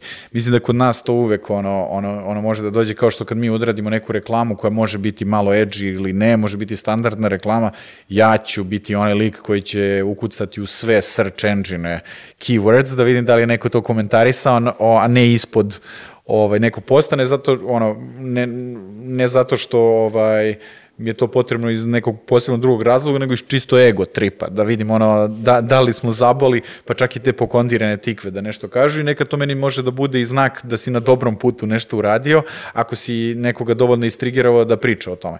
Prije par, ovaj, prije par godina sa, sa jednim klijentom smo sedeli, imali neku priču i, i mi smo prezentovali neku ideju i klijent je rekao, jao, ja zamišljam ljude koji gledaju ovu reklamu i onda odu da googluju o našem proizvodu, kao negativnu stvar. A ja sam rekao kao, jo, ja bi prodao, da ne kažem šta sada, da imam tu, da, da svaku, bilo koju našu reklamu kad vidi da to bude reakcija. I onda je to, to je ta neka razlika između svega toga ovaj, kako ti to posmatraš, kako to gledaš i šta želiš da bude output ovaj, cele te priče. I je, jeste, dešavaće se da, da ljudima se neće dopasti nešto, ali to ne mora da znači da je to ne, ne, nešto loše. Mislim, u jednim prethodnim podcastima o, vašim koji sam slušao, ja ne mogu sad da setim, ono kao neću da, da, da, da licitiram sa imenima, ovaj, ko, ko, ko je pričao ili ovaj, ko nije pričao, je baš bila ta interesantna ono priča oko toga ovaj, nije više dovoljno da ti govoriš e, mi imamo tradiciju, dobru cenu i kvalitet, je li tako? Šta to meni više znači? Meni više tradicija ne znači kod ono 80% brendova ili proizvoda koje koristim. Ovaj, čak mi je interesantno kad neko napiše since last year, bude mi ono kao smešno, ali ako pravi nešto što meni treba sada od njih, ovaj, sa kvalitetom 21. vek i svi, skoro svi proizvodi su već tu negde. Naravno, ništa nije ono kao savršeno, ali sad kao ne mož, možemo da pričamo ko ima bolji kvalitet, da li ono Kia ili ili Honda ili Hyundai ili to sve, ni, ni uopšte tu su sa kvalitetom, su tu blizu, ajde onda sad tražim nešto drugo. I onda ću ja tražiti karakteristike ili vrednosti koji su meni bitne. I ako meni mogu da budu te vrednosti bitne da ono da ti recikliraš 99% sirovina od kojih radiš i zbog toga ću tebi pokloniti svoj dinar i svoju pažnju i verovanje, ovaj, zbog toga je bitno brendovima da izađu i da kažu, da kažu šta misle. Posebno brendovima koji su ovaj, u, u, u poslu gde moraju da, da, da animiraju što veći broj ljudi i baš neke posebne grupacije kojima su neke druge stvari bitne. I to je super do trenutka dok moraš da ono če, da shvatiš da moraš da očekuješ proteste. Znači brand bezbednost kao cringe pojam ne postoji više. Znači ti ulaziš u kulturalne ratove. I to je recimo nešto što mislim da um, zbog toga što ova taktika nije još dovoljno istražena u Srbiji, recimo Extreme Intimo je imao taj problem da su pokušali da se kače na Vogue, ali onda dođe ti Vanja Bursać i kaže čekaj, čekaj, čekaj, kako ste vi Vogue? Znači moraš da, da, da postoji taj kao ono, neko ko će da pazi na to što pričaš i onda će da te čekira da li si zaista dovoljno pure. Pa, mo, mislim da čekirat ćete svakako, čekirat ćete i ako nisi Vogue. Mislim, i ako mm. imaš neku, ovaj, ako neku imaš drugu temu, ako dođeš i kažeš naš eh, proizvod se pravi od 100% izvorske vode i neko ode i vidi da se ne pravi, mislim ti ono, obmanjuješ. Tonus hleba, sećaš toga? Seća se priča oko tonus hleba da je, u stvari nije bilo ono što je bilo Ruska na kesici. Ruska akademija nauka nečega. Jel tako? Na kraju koja... se postao da, da, da, valjda nema. Ne znam šta je epilog u stvari cele priče, ali sećam se samo da ono, su se razlačili sa ne, tom aferom. Ne, nisam siguran, ja sam toliko vouk, ja ne jedem uopšte hleb, znači. pa ni zdravi. Ove, ali ne, kažem, uvek ćete neko proveriti, ne, nešto raditi što, što je zapravo i okej. Okay. Mislim, ono, ja, ja ću, uh, pro, mogu da prođem ono kao pijacom i da negde piše ono, uh, sjećam se jednom da sam zaprolazio sa suprugom i da je pisalo krompir od Ivanjice, a pošto sam ja iz tog kraja, iz Čačka, izbio u fazonu, ovo nije sigurno od Ivanjice, jer u našem kraju se ne kaže da je od. Pisalo bi iz Ivanjice. Ali kao, evo, čekirat ću i osobu koja prodaje krompir. Na to, zašto je to ja, mislim, ja ću od tebe, ti želiš da znaš ono kao, aha, da li me mažu. Mislim, to, to je posebno, posebno sa tim ovaj, temam. Ali tu ti kažeš, ok, možda da očekuješ backlash i možda očekuješ to, e, pre par godina kada je Kanye West ušao u svet uh, garderobe, sportske opreme, ne znam kako da to kažem, ovaj, on nije bio ovde gde je sada. Ovaj, on je bio u Nike-u, mislim pri Nike-u i onda Nike je shvatio da saradnja sa Kanye Westom koliko može da ti donese, toliko može da ti oduzme i oni su odlučili da ne sarađuju sa Kanye Westom. A znači ta jedna kompanija koju bi rekao da je Vogue, koja je kao u fazonu, ok, radit ćemo sa Colin Kaepernickom, je bilo u fazonu, po, povlačim crtu kod Kanye Vesta. Ovaj, kao da sve, tako da svi, svi biraju dokle, do, dokle će da idu i, i, i, to je neko uradio neki risk management, risk assessment da, da, da uradi da li je ovaj, ok, radite sa tim. Ja znam da kad ja ovaj, sarađujemo sa nekim klijentima ili nešto i kad treba da izaberemo zaštitno lice, pa influencera ili nečega, mi ćemo i dalje ovaj, birati šta će to da nosi sa, šta će to da nosi sa sobom. Saradnja, pogotovo da ne kažem sa tim influencerima koji nemaju ovaj, nikakvu kočnicu u priči, a baš zbog toga su i popularni, zato što nemaju kočnicu, ovaj, da ti treba izabreš je da li ću raditi sa ovim influencerom, ali on psuje da li će onda uvezati moj brand sa nekim ko da, psuje. Da, znate, ovo je trenutno najpopularniji influencer na TikToku, ali takođe svom a, najboljem drugaru koji je Rom donosi bakar u diskoteku i njih dvojica se smeju koliko je to Pa dobra ti vidi fora. da li hoćeš da radiš sa tim ili nećeš, ovaj, ili da ne kažemo da ne pričamo sad o toj generaciji kao mi ono, kao imamo predlog, potrebno nam je poznata ličnost da glumi u TV reklami i mi predložimo nekoga ko je učesnik zadruge koji nema neku negativnu stvar, mislim samo je učesnik zadrug, neko nema neku negativnu stvar, ali kao okej, je ono, pevačica je, Hmm. ali je bila u zadruzi. On kao, a onda hoćemo ili nećemo. Ali sve je stvar toga da li ti hoćeš ili nećeš. Kod Da, nas To postoji... je u stvari odličan primjer tog našeg e, kako marketing svet generalno, ali ne samo marketing, nego ja bih rekao čak i šire, korporativni svet, utiče na društvo. Jer, e, meni je za to već to bio primjer Zvezde Granda, Aha. koji je najgledaniji um, ono, show, do skoro, talent sad su show, baš su failovali. A, Posljednjih godina niko ne gleda. E, okej, ali u vreme kad su bili u hype Kad su bili ono, najjači, bili su da. najjači, da, da. Ove, I u to vreme nijedan veliki brend nije sarađivao sa njima. Oni su se i dalje držali, uh, ne znam, Minakve, Fasta i tako dalje. Svih brendova koji su bili tu sponzor emisija narodne muzike. I, ali bukvalno, uh, sećam se da sam pričao baš sa, sa jednim, jednom brand menadžerkom i da sam rekao kao, čekaj stani, kao, ali ono, zašto radimo ovaj competing show kada ono, su ovi veći? Zašto ovo je fin? E, onda kao, jesi ti normalno da ja idem svom CEO-u da mu objasnim da kao će da ide na Zvezda Granda? Pa je, je, jeste, ali mislim da dobar deo ovaj, do, nešto što, što je dobar output cele te Vogue kulture je da se normalizuje na, mislim kao i narodna muzika i to što, što je zapravo mainstream na ti kod ljudi koji se bave kreiranjem komunikacije, to nije mainstream. Mainstream je nešto fino i nešto drugo. To je kao pobjeda konstrakte na, na, na Euroviziji. E sad je to pobednik svih nas. Pobednica. Svih nas. Zato što je to ovaj, ono, e, mislim, ono, ja opet uzimam kao primjer gde, gde ćeš najviše na, naći na te woke ili anti-woke komentare je Twitter, kao nek, nek kao ono, ovaj forum gde ljudi mogu da pričaju šta god misle, šta god žele i da tu imaš sukobljavanja ko je više woke, ko je manje woke, da li je bolje da si woke ili je gore da si woke, o, svemu tome i ti ćeš tu imati kao normalizaciju svega toga da je okej da slušaš narodnu mu- muziku, a da budeš fakultetski obrazovana osoba ili da gledaš e, zadrugu, a da radiš u muzeju. Mislim, ne, ne, Mislim da smo mi to, još jedna stvar koja je advertising mainstreamovao, ona dobila pečat mainstreama, ako se sećaš Deezer reklame sa Acom Lukasom. Je, i to je tada bilo baš kao, bio bi Aca Lukas, a, a bila Nataša Bekvalac i, i Bad Copy. To su bila kao triptih, što bi se reklo, ovaj, u konstraktivnom svetu. ovaj, ali je, da, bilo je to kao u fazonu šta se ovo dešava, a u stvari je bila najnormalnija stvar, zato što kad odeš na Deezer, verovatno, ono, kad izađu rezultati mesečni, tu Aca Lukas uzme najviše para zato što su plaćeni po učinku ovaj, u svemu tome. Tako da je, da, jeste, to je bilo tad kao, tad je realno to bilo edgy, ali realno ti, realno, to je sve sad manje I onda je došao od sobi. I onda si dobio sve to u jednom. U jednom, ali opet je bilo, opet je bilo pitanje ko sa kim, gde tu možeš da, da, da, da, da sarađuješ, da sarađuješ sa, sa nekim od njih. Kao, ok, ako pominje marihuanu, da li će tvoj brend koji dolazi iz porodične firme hteti da te uzme za, za zaštitno lice? O, pa to je generalno uh, problem svih uh, brendova koji se kače na muziku, a to je, ono, ne postoji endorser koji kad tad neće da ili kaže nešto loše ili će da, ono, bude u fazonu da ima nedozvoljene substance u backstage-u, gde je marketing direktorka isto tako prolazi i ovo uopšte nije priča koju mi je žena ispričala ruke.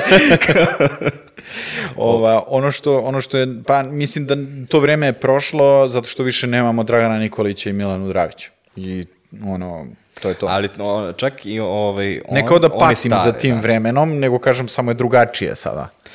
Um, I sve što smo sada pričali je u stvari um, ceo, ova, ceo ovaj prethodni deo je podrazumevao da će tvoj oglas u stvari da uradi ono što ti želiš da uradi, što uopšte nije zagarantovano.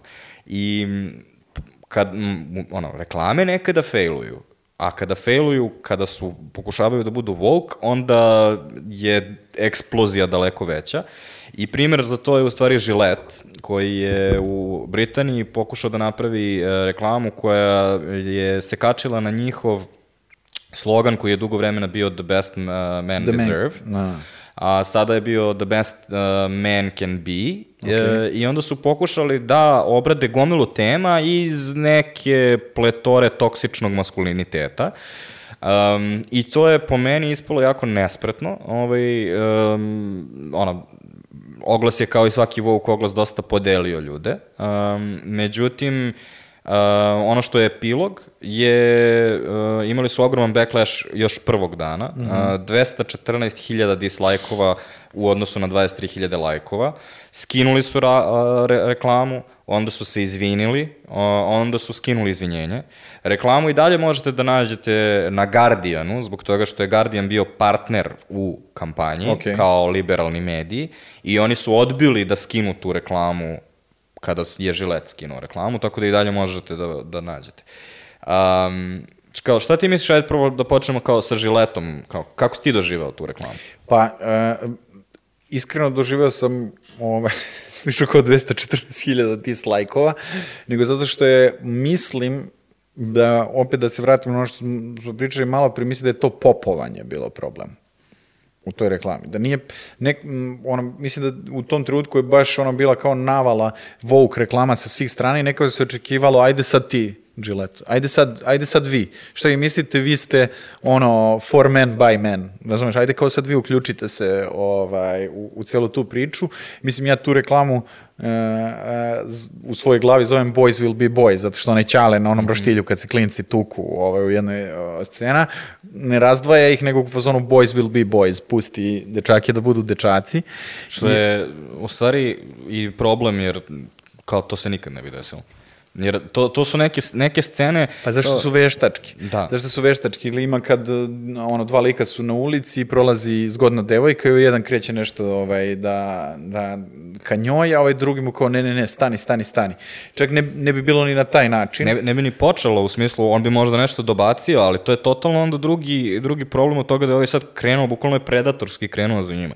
I... Da, on je na nju krenuo ali to je ono što, što mislim da... A stvar je realizacije, ali da? Ove... Na, u prezentaciji, u prezentaciji ova, ova, ova u, pred klijentom kad su došli na sastanak i ispričali ideju, ja mislim da je to bilo savršeno.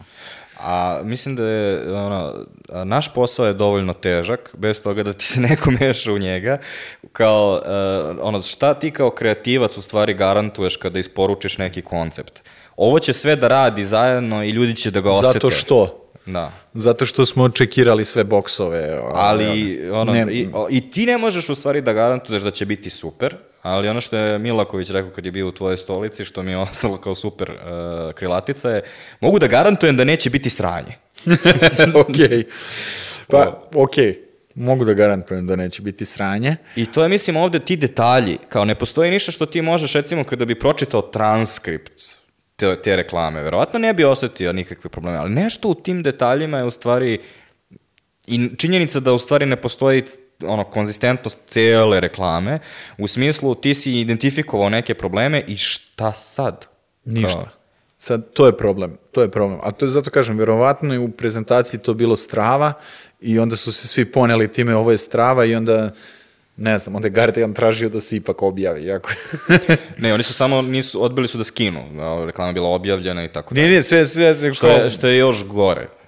Pa što je još luđe. Kad, si, kad ono, si već objavio, onda bar, ono, ok, we're in this for now i tako dalje. Um, ali, uh, znači, sve, ono, šta god da uradiš, čak i uradiš najbolju moguću reklamu i imaćeš negativne komentare. Između ostalog, zanimljivo mi je, uh, ispod Galenikinog spota su ukinuti komentari. Da, ispred, ispod svih spotova na YouTube kanalu Galenike su ukinuti komentari i to je, mislim, neki biznis odluka. Ovaj, ja se iskreno stvarno nisam bavio Mi, ovaj, pametna time. odluka, zato što ono, YouTube komentari su ono, pakao života, ali pišite nam u komentarima šta mislite, šta mislite ovaj, ali, ovaj, ne, ali jesu YouTube komentari su, ovaj, mislim, ja obožavam obožavam YouTube komentare da čitam. Ovaj, ali kao eto nisu ne, ne, mislim da stvarno na celom Galanikenom kanalu da su isključeni isključeni komentari i zbog toga ja onda srčujem na svim drugim mrežama ono Galenika reklama, gej reklama. Kako se da, da, da, da bi video da, da bi video šta, šta, šta je tema I šta si toga. našao? Pa ovaj nisam morao mnogo da tražim, ovaj mislim brzo brzo su brzo brzo možeš da vidiš te komentare, pa našao sam raznorazne komentare ali, ovaj, a, ali mislim, i, i sa jedne i sa druge strane, gde je ono, naravno, bila i ceo taj, cela ta priča propagiranje Sodome i Gomore, ovaj, kao jedna stvar, bilo je, o, bile su ti, ti komentari, kao što smo malo pre pričali o pokondiranim tikvama, bili su i bili su komentari od nekih ljudi da mi je značilo da su primetili, a da nisu znali, na primjer, u tom trenutku da znaju da smo mi to radili ili ja, da, se, da poznajem te ljude lično, da su osetili potrebu da, da komentarišu. Video sam pozitivne komentare o, od ljudi koji su u LGBT organizacijama, ovaj, što mi isto bilo super i mislim da je jedan od glavnih komentara bio to da nije reklama koja se bavi gej pravima, nego je prodajna reklama za jedan proizvod u kojem je uvršteno nešto iz ono kao, ne kažem LGBT kulture, ali iz nekog tog ono, ovaj, e, e, iz tog sveta da je stavljeno barabar sa ostalnim životnim stvarima, što je meni bilo kao super da pročitam taj komentar, ali bilo je, ono, da ne pričam sad i u ovoj reklami, možemo da radimo reklamu koja nema veze ni sa, ni sa čim Vouka da će opet dobiti negativne komentare zbog ovoga, zbog ovoga ili onoga. Meni je omiljeno pre 100 godina kada smo radili reklame sa Sergejom Trifunovićem koji glumi babu ili dedu, jedan od komentara je bio e, što Srbija nema žen, žena glumaca, ženski, ono kao nema glumica, pa moraju muškarci da glume žene. A kao, ok, to mi je omiljeni komentar na, na, na tu reklamu, zato što to ono... A ovi iz Zlatnog peka što su sad Gagija Jovanovića stavili Eto, da bude ja baba, mislim, nisam oni pro, ne... ja, ali otići ću da proverim da li oni imaju te, te, te, te komentare koji su strava, ovaj, da, kao eto, mi nemamo glumicu, pa mora Gagi da glumi. E sad, s jedne strane, komentari su zabavni, ali generalno nisu pretrano efektivni, ali postoji mogućnost da ti m, a, o, praktično Vogue um, politik, od, odnosno ne mora sad da bude Vogue reklama, ali može biti i određivanje ključnih ljudi kao što je direktor koje je ono velike kompanije, ti možeš da uh, kreiraš m, kontraefekte, odnosno kontraproteste, ono, ili recimo Chick-fil-A je čuveni mm -hmm. restoran koji prodaje uh, kao KFC, znači prodaju piletinu. Piletinu. Međutim, zanimljivo za njih je da su oni skoncentrisani u srednjem delu Amerike, koja je konzervativnija, i oni su izašli kao woke aktivisti protiv LGBT prava. I ona njihova politika već kao deceniju i nešto je ono mi ne podržavamo, mi dajemo um, naše donacije su u hrišćanske organizacije koje se bore protiv LGBT prava i ono nećemo nikada da stavimo rainbow flag i tako dalje. Um, kao sa jedne strane postoji mogućnost znači da kreiraš tu vrstu backlasha, a postoji i ovo što se dešavalo sada, ne znam da li se ispratio oko um, ovaj, um, uh, Ron, ovaj, guverner Floride Ron DeSantis uh, protiv Disneya, Ovaj, Disney, uh, znači u Floridi se um, su doneli neki zakon koji se zove Don't Say Gay. Uh -huh. um, konkretno uh, odnosio se na um, neke učbenike ja, sixth grade, šta god da to zna, znači, to je nešto, ja mislim, četiri, peti razred, mm -hmm. i da uh, u tim učbenicima ne treba da se pominje seksualna orijentacija. I sad, postoji naravno i razlika između toga šta kaže u zakonu, a kako se on uh, počeo primenjivati, što je naravno, ono, svi su krenuli da divljaju odmah, a ne sme više ništa, dve tate i ostalo. I u nekom trenutku um, ovaj trenutni CEO Disneya uh, je izašao i rekao da Disney ne podržava taj zakon. Mm -hmm. A, Disney ima ceo grad u Floridi i Ron DeSantis koji je guverner koji je gurao taj zakon i rekao, a ne podržavate? E pa super, e sad ćemo da vam oduzmemo privilegije, sada ćemo i tako dalje. A, znači, postoji mogućnost da i imaš ono veoma konkretan kontraefekat, a ne samo ono negativne komentare. Pa evo, po, postoji mogućnost, e, zato što ti bi, biraš stranu u jednom trenutku, biraš stranu. To ti je kao, ovaj, e, da li ćeš imati kontraefekat ako dođeš na Pride u Beogradu, pa će te neko slikati, jel tako? Pa onda da li će ovo neko da kaže da si ti bio, da li podržavaš ili jesi ili nisi. I ovaj, kao se to, uvek postoji mogućnost za to sve. Mislim da, je, mislim da smo mi i dalje blagosloveni time da, da je kod nas to mnogo manjeg uticaja, na primjer, pričamo o Srbiji sad u ovom trenutku, nego na primjer to sve što se dešava u Americi, kao što je ono, e, znamo kad se Trump, e, kad je Trump bio predsjednik, da se Coca-Cola bila otvoreno protiv ovaj, Trumpa, da ne kažem da je bio sjajan PR, zašto je on posle tweetovao I'll keep drinking that garbage, i ovaj, ali kao to izgledalo kao da je osmišljeno sve, ovaj, pa je nekad još bolje kad Nadam se da nije, znaš, nadam se da je stvarno, ali da, mislim da tako, u- da, da, mislim da mi i naše tržište nismo na, na, na tom nivou da možeš da imaš stvarno problem to ono, prirode to zakona, ono kao vlast i ono, ili nekoga drugog, sad, ako si brand sa te strane, da ovde možeš da imaš samo back, backlash toga da li će neko od tvojih kupaca, potencijalnih klijenata reći u fazonu "Ovo nećemo više da kupujemo tamo vamo, da li ćemo da spaljujemo ili da ne spaljujemo Nike patike ili ne, a da mislim da je onda treba biti još hrabriji ovaj, e, negde gde će da, to je to što da je guverner ili senator ili ko je izašao i rekao, e, sad ćete da imate stvarni problem. Mislim da je to sad isto e, bila kao sa priča sa, e, ta priča oko abortusa, ovaj, u, u, u zabrane abortusa u određenim američkim državama, I ovaj, onda su velike kompanije odmah su izašle sa e, pričom, tipa Netflix, to sam zapamtio, da su oni izašli da će oni platiti e, svako svoje zaposleno i koja želi da ovaj, e, ima abortu, da će platiti put i ono plaćeno odsustvo, kako se to zove, u neku od američkih država koje je to dozvoljeno. Š, to, ti se odmah svrstavaš na jednu stranu, ideš protiv u tom trenutku neke mainstream politike što je mislim veoma velika ovaj velika stvar zato što je to ovaj to nije samo promenili smo ikonicu Rainbow Flag, to je evo mi ćemo uraditi ovo. Mi ćemo da neko će opet izaći i reći pa da bolje im je da plate tih 2000 dolara da to urade nego da imaju kao nezadovoljnu za, za, zaposlenu o, u cijeloj toj priči, ali kao, ali eto, oni su nešto, nešto uradili, tako da za mene je to super. E sad, postoje dva rizika vezano za to. Uh, prvi rizik je uh, nešto što je osnivač Basecampa uh, ovaj, veoma vokalno ovaj, izašao protiv uh, petljanja od politike i društvenog aktivizma u posao, mm -hmm. u smislu uh, u Silikonskoj dolini koja je veoma liberalna, i koja je, um, budimo realni, to su ljudi koji imaju veoma puno prilika i zbog toga imaju i puno privilegija.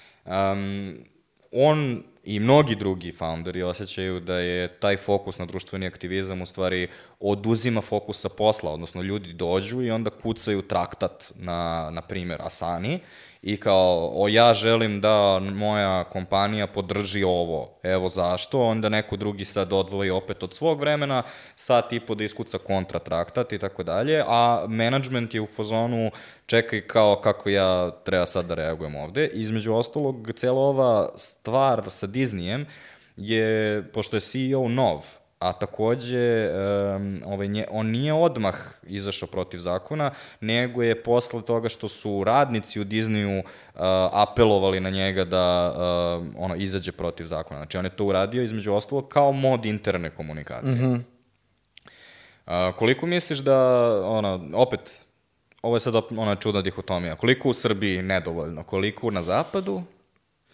Pa, evo, zato kažem, mislim, to kao, neko može da kaže, e, e, ovo sad, sklanjamo se sa poslovnog puta, ako zaposleni dođe i kaže, ja očekujem da moja kompanija podržava ta i ta prava i te i te zajednice, zato što sam ja deo te i te zajednice, mislim da to je posledica nečega, a posledica nečega, sad se opet ja postavljam kao neko ko, kao, ovaj, ima mišljenje, ali ono kao, ima mišljenje, ovaj, je, e, ja početi sve e, iz, od toga, tog, e, tog narativa work-life balansa, I onda kao, e, više nije, imaš radno vreme i slobodno vreme, nego sad se priča work-life balance. I pogotovo na zapadu, mislim da je kod nas to ono tek će doći u tom trenutku, da kao u fazonu, e, radno vreme ne postoji, ti si stalno na poslu, treba napraviš work-life balance, znači balans između ovog života, to znači da malo sam radio, malo sam izašao, malo sam ovo, malo sam resno, ja nemam shutdown kad izađem iz svoje kancelarije, e, ako nemam shutdown, onda vi ne dobijate samo radnika sa work-life balansom, nego dobijate i člana te manjine i člana te grupacije i te toga, onda moraš da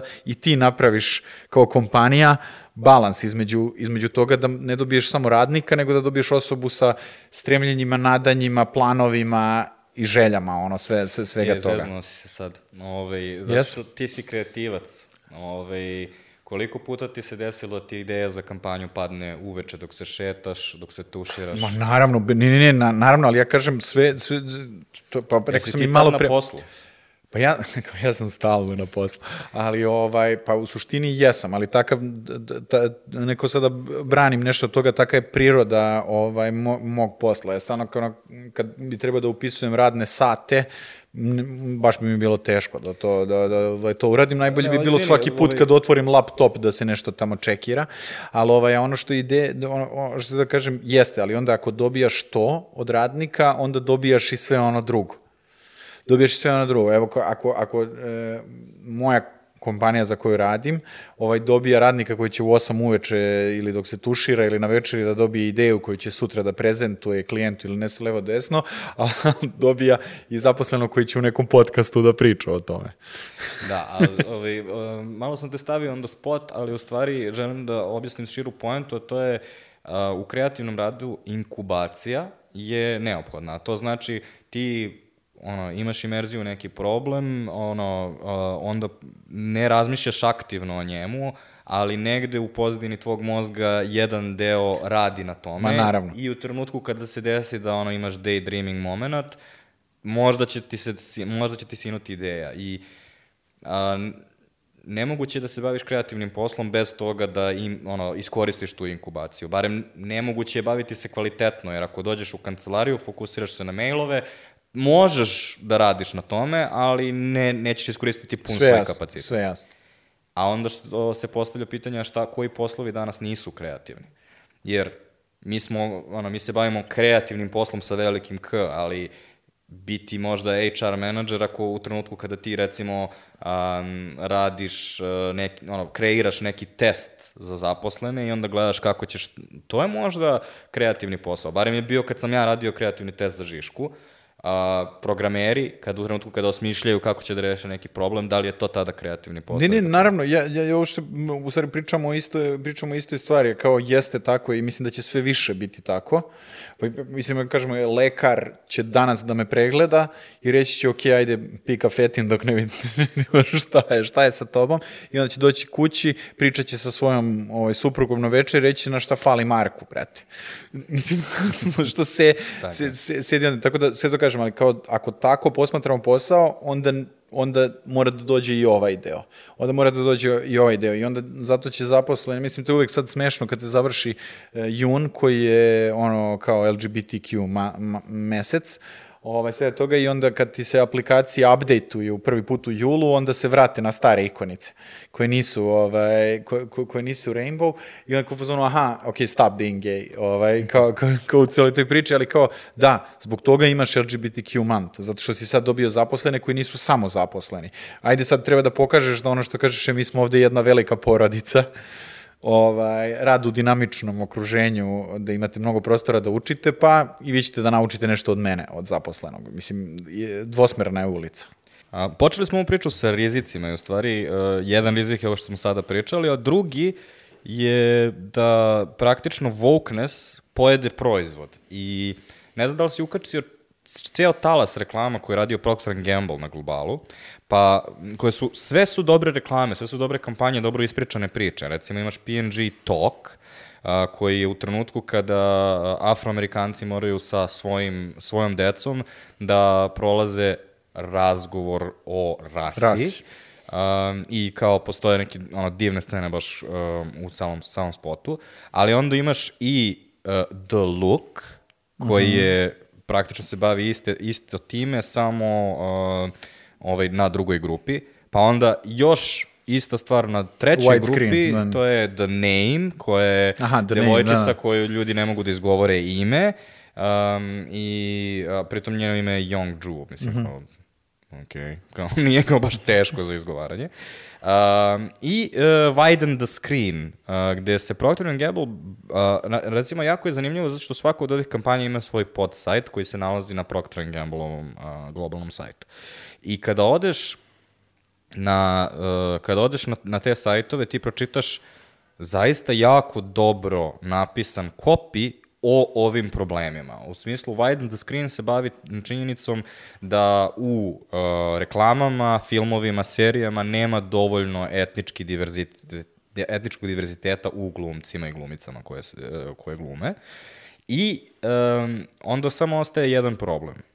Uh, šta Procter Gamble radi povodom toga, kao gde je veza između Procter Gamble i ono, glumišta, I drugi problem je u tome, ovo je, svaka od ovih kampanja je bila za neki Procter Gamble proizvod i ti zaista ne možeš da skontaš za koji, koji? dokle god ne klikneš, odeš, vidiš i, I onda shvatiš da je, na primjer, informacija, da. Da. I onda shvatiš, na primjer, da je ovaj The Talk u stvari za njihovu liniju kozmetike koja se, uh, to jest uh, njihovu liniju proizvoda za kosu koji se specijalizuje za kosu uh, afroamerikanaca koja je strukturalno drugačija od njihovih I klasičnih potrebno je šablona. drugačija ono, Da. kozmetika za, za, za takav tip kose. Međutim, ti pustiš taj oglas na TV-u i potrošiš 60 sekundi da ispričaš jednu divnu priču, a na kraju niko od njih ne zna da je to hair care. Pa evo, opet, ovaj, imao sam tu nesreću da nisam radio na tim kampanjama, ali, ovaj, ali ono što ja otprilike mogu da, ovaj, da kao iz ličnog iskustva pomislim da je ideja, mislim da je Procter Gamble ono, jedna od najvećih korporacija na svetu koja zapošljava ko zna koliko ovaj, zaposlenih iz raznih struktura društva, e, raznih rasa, religija, e, seksualnog opredeljenja, ovoga onoga, znači kao različite ljude. I da mislim da P&G ovakvom komunikacijom više radi na nekom svom korpo ovaj, korpo imidžu da pokaže da su oni svi jedna velika porodica i da se brinu o problemima svojih zaposlenih koji pripadaju određenim ovaj, grupacijama ljudi. I mislim da je to jako bitno, pored toga što ćemo mi dobiti ovaj, na, na, da gledamo neke lepe reklame, posebno iz naše perspektive, jer ne živimo u tim društvima i nemamo realno direktnu dodir sa svim tim problemima i neki put moramo malo da uključimo mozak da bi, da bi shvatili šta, šta, o kom problemu ovaj, oni pričaju, ali mislim da se radi o tome da Procter Gamble pokušava da nama pošalje poruku da ovaj, oni neće gledati svoje zaposlene tako kao što ih gleda društvo. Evo kažem, možda je to moja ono ovaj Pa ja mislim da su neki od ovih korporativne pogled. komunikacije, Ili, ne kao, kao moguće, posebno zbog tog dela što ste rekao kad odeš na sajt i dobiješ ceo ono United Colors of Benetton vibe ovaj, iza, iza, iza svega toga i mislim da je to zbog toga bitno jer ono kapiram da Procter Gamble dnevno zaposli x ljudi koji moraju da shvate da će tu biti dobrodošli da ih neće možda tre- tretirati kao u nekoj drugoj kompaniji koja nem, nema takvu komunikaciju, ali možda bije takav neki glas ovaj, svega toga. I mislim da je zato ovaj, to bitno i mislim da ima jedna velika stvar koja se mislim često previdi, a to je kao, evo mi smo sad nabrali koliko, 4-5 reklama Procter Gamble, a oni imaju ja imam osjećaj da Procter Gamble svaki dan izbaci reklamu. Imaju oni reklamu koja će da priča operi kosu ovim šamponom, samo ovaj šampon će ti pomoći. Ne samo to, ne znam da li znaš, jako zabavno, u istraživanju ovih svih e, reklama, saznao sam da postoji poseban advertising festival koji organizuje Procter Gamble samo za kreativce koji rade na Procter, Procter Gamble, pa naravno, eto kao toliko... Jer kao, nikad nećete otići u kan, vi prodajete šampon i kao šampon nije seksi industrija i nećete osvojiti kan. Ali, all expenses paid trip to San Francisco and the Gde special imamo- award just for you. Sve okej. Okay.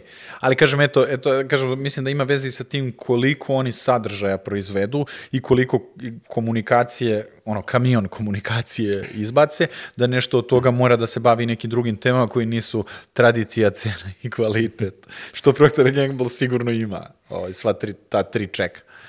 E, još jedna stvar koju treba da imamo na umu jeste da e, ovo je inače e, postao regularan deo Žiška podcasta, a to je pričamo o evoluciji fenomena. Uh -huh. biti Vogue pre dve godine nije isto što i biti Vogue danas. Okej. A, I odlične primjere za to su a, dve kampanje koje su osvojile kan. A, 2019. Starbucks a, ima kampanju u kojoj um, um, osoba koja se iz početka ne vidi da je transgender, ali onda do kraja reklame saznajemo da jeste, uh, ima problem da kaže svoje ime, odnosno želi da kaže ime koje je u drugom rodu, i onda odlazi u Starbucks gde mu ona napišu ime na šolji. Da može kaže ime koje god želi. Tako je. I e, to je pričica kao Starbucks nekako podržava ovaj, e, transgender osobe i to osvoji kan kao bude dobro primljeno i ljudi će primetiti to, imaće dobar efekt. A, dve godine kasnije a, kan osvaja Mastercard koji praktično ima istu kampanju, ali sa jednom jako bitnom razlikom, a to je, uh, oni su napisali ime na uh, kreditnoj kartici, što je pravni dokument, Da. što ima daleko veću težinu. Znači, ko prvi kaže, njemu je lakše, njega ćeš pre primetiti, svaki sledeći ima sve manju moć. Pa, jesi ti zapljuneš neku teritoriju, ne mogu da kažem, meni se, mislim, meni se dopadaju obe te ove, reklame, kampanje, kako da kažem, i Starbucks mi se dopala, iako je realno mnogo manje uticaja ta kampanja uopšte ima na ceo problem, na celu tematiku svega toga nego Mastercardova, što ti kažeš, da ćeš ti zapravo na kartici koja ti je manje više zvaničan dokument, ovaj, moći, da, moći da staviš ime koje ti želiš ili kako se ti osjećaš. Mislim da je i, i, i Starbucks kampanja dobra baš zato što je na njihovoj teritoriji nečega što su oni zapravo izmislili na kraju dana, to je pisanje imena na, na to je njihova vizit karta, pisanje imena na, na, na, na, na, na- na šoljama to go u kafe, ovaj, tako da na njihovoj teritoriji, zato mislim draga mi je i ta kampanja baš zbog toga što mislim da ono kad, kad su imali taj trenutak da su to smislili ovaj, na, na, na brainstormingu ili negde da su bili kao fazonu, mi smo pokidali, pa jeste, pokidali ste. Mislim, je, ono, nema šta u svemu tome, ali da, ko prvi uradi ne mora da napravi korak ovaj dalje, korak više, ko drugi uđe u celu tu priču mora da ima na umu da je postojala i ova kampanja. I mislim da je to jedna kočnica e, celoj advertising industriji, evo, pričat ću kod nas, zato što kao radim kod nas, ovaj, ali kapiram da nije mnogo različito i bilo gde, da neko ćeš doći sa nekom idejom pred klijenta i da će oni reći, ali to je radio taj i taj pre tri godine, iako ti imaš drugi, drugi ugao gledanja, možda ideš tri koraka dalje, ono kao da sve, ali da će se to odbaciti zato što je neko već to zapljunuo i ovaj, ali ono kao on, ono, zapad je mnogo veće tržište, posmatraju svet globalno i onda niko, on- oni će svi da se laktaju za svoje parče, ovde si u fazonu drži se svog, ovaj, drži se svog putića. Ja se nadam da niko neće od e, drugih klijenata, neće pomisliti da je Galenika zabola ove tri priče koje smo imali i da se oni neće baviti tim pričama, iskreno se nadam, da neće, nego nadam se da će se baviti, ovaj, jer onda ćemo, ono, ja sam bar to mišljenja, što više dobrih reklama, to više dobrih reklama. Ovi, uh, sad sam se setio, se- baš sam za vikend slušao, Miloković je bio kod Minića uh, i pričali su baš o ovom fenomenu, odnosno uh, ja to zovem džubaka, uh, zbog toga što uh, ja sam smislio kao zamisli čubaka sa jamukicom i zoveš ga džubaka, haha, kakav sam car, ukucam 600.000 džubaka postoji. Postoji, jel da? Pa naravno, da, da, da. da. A, fenomen se zove Simpsons Did It. Ovaj, zbog toga Aha. što su imali toliko različitih epizoda i fora da su sigurno smislili šta god. A Milaković priča o tome kako mu je neko poslao um, da recimo njegovo traženje uh, auta na parkingu je radio Jerry Seinfeld. Isti skeč, ali nikad to nije isti skeč. Nije prema istoj ciljnoj grupi, odnosno druga je publika, druga je osoba, drugi vibe, fore su malo drugačije, čak i ako je ono premisa suštinski ista. I to je ono što mislim da brendovi isto treba da zaključe.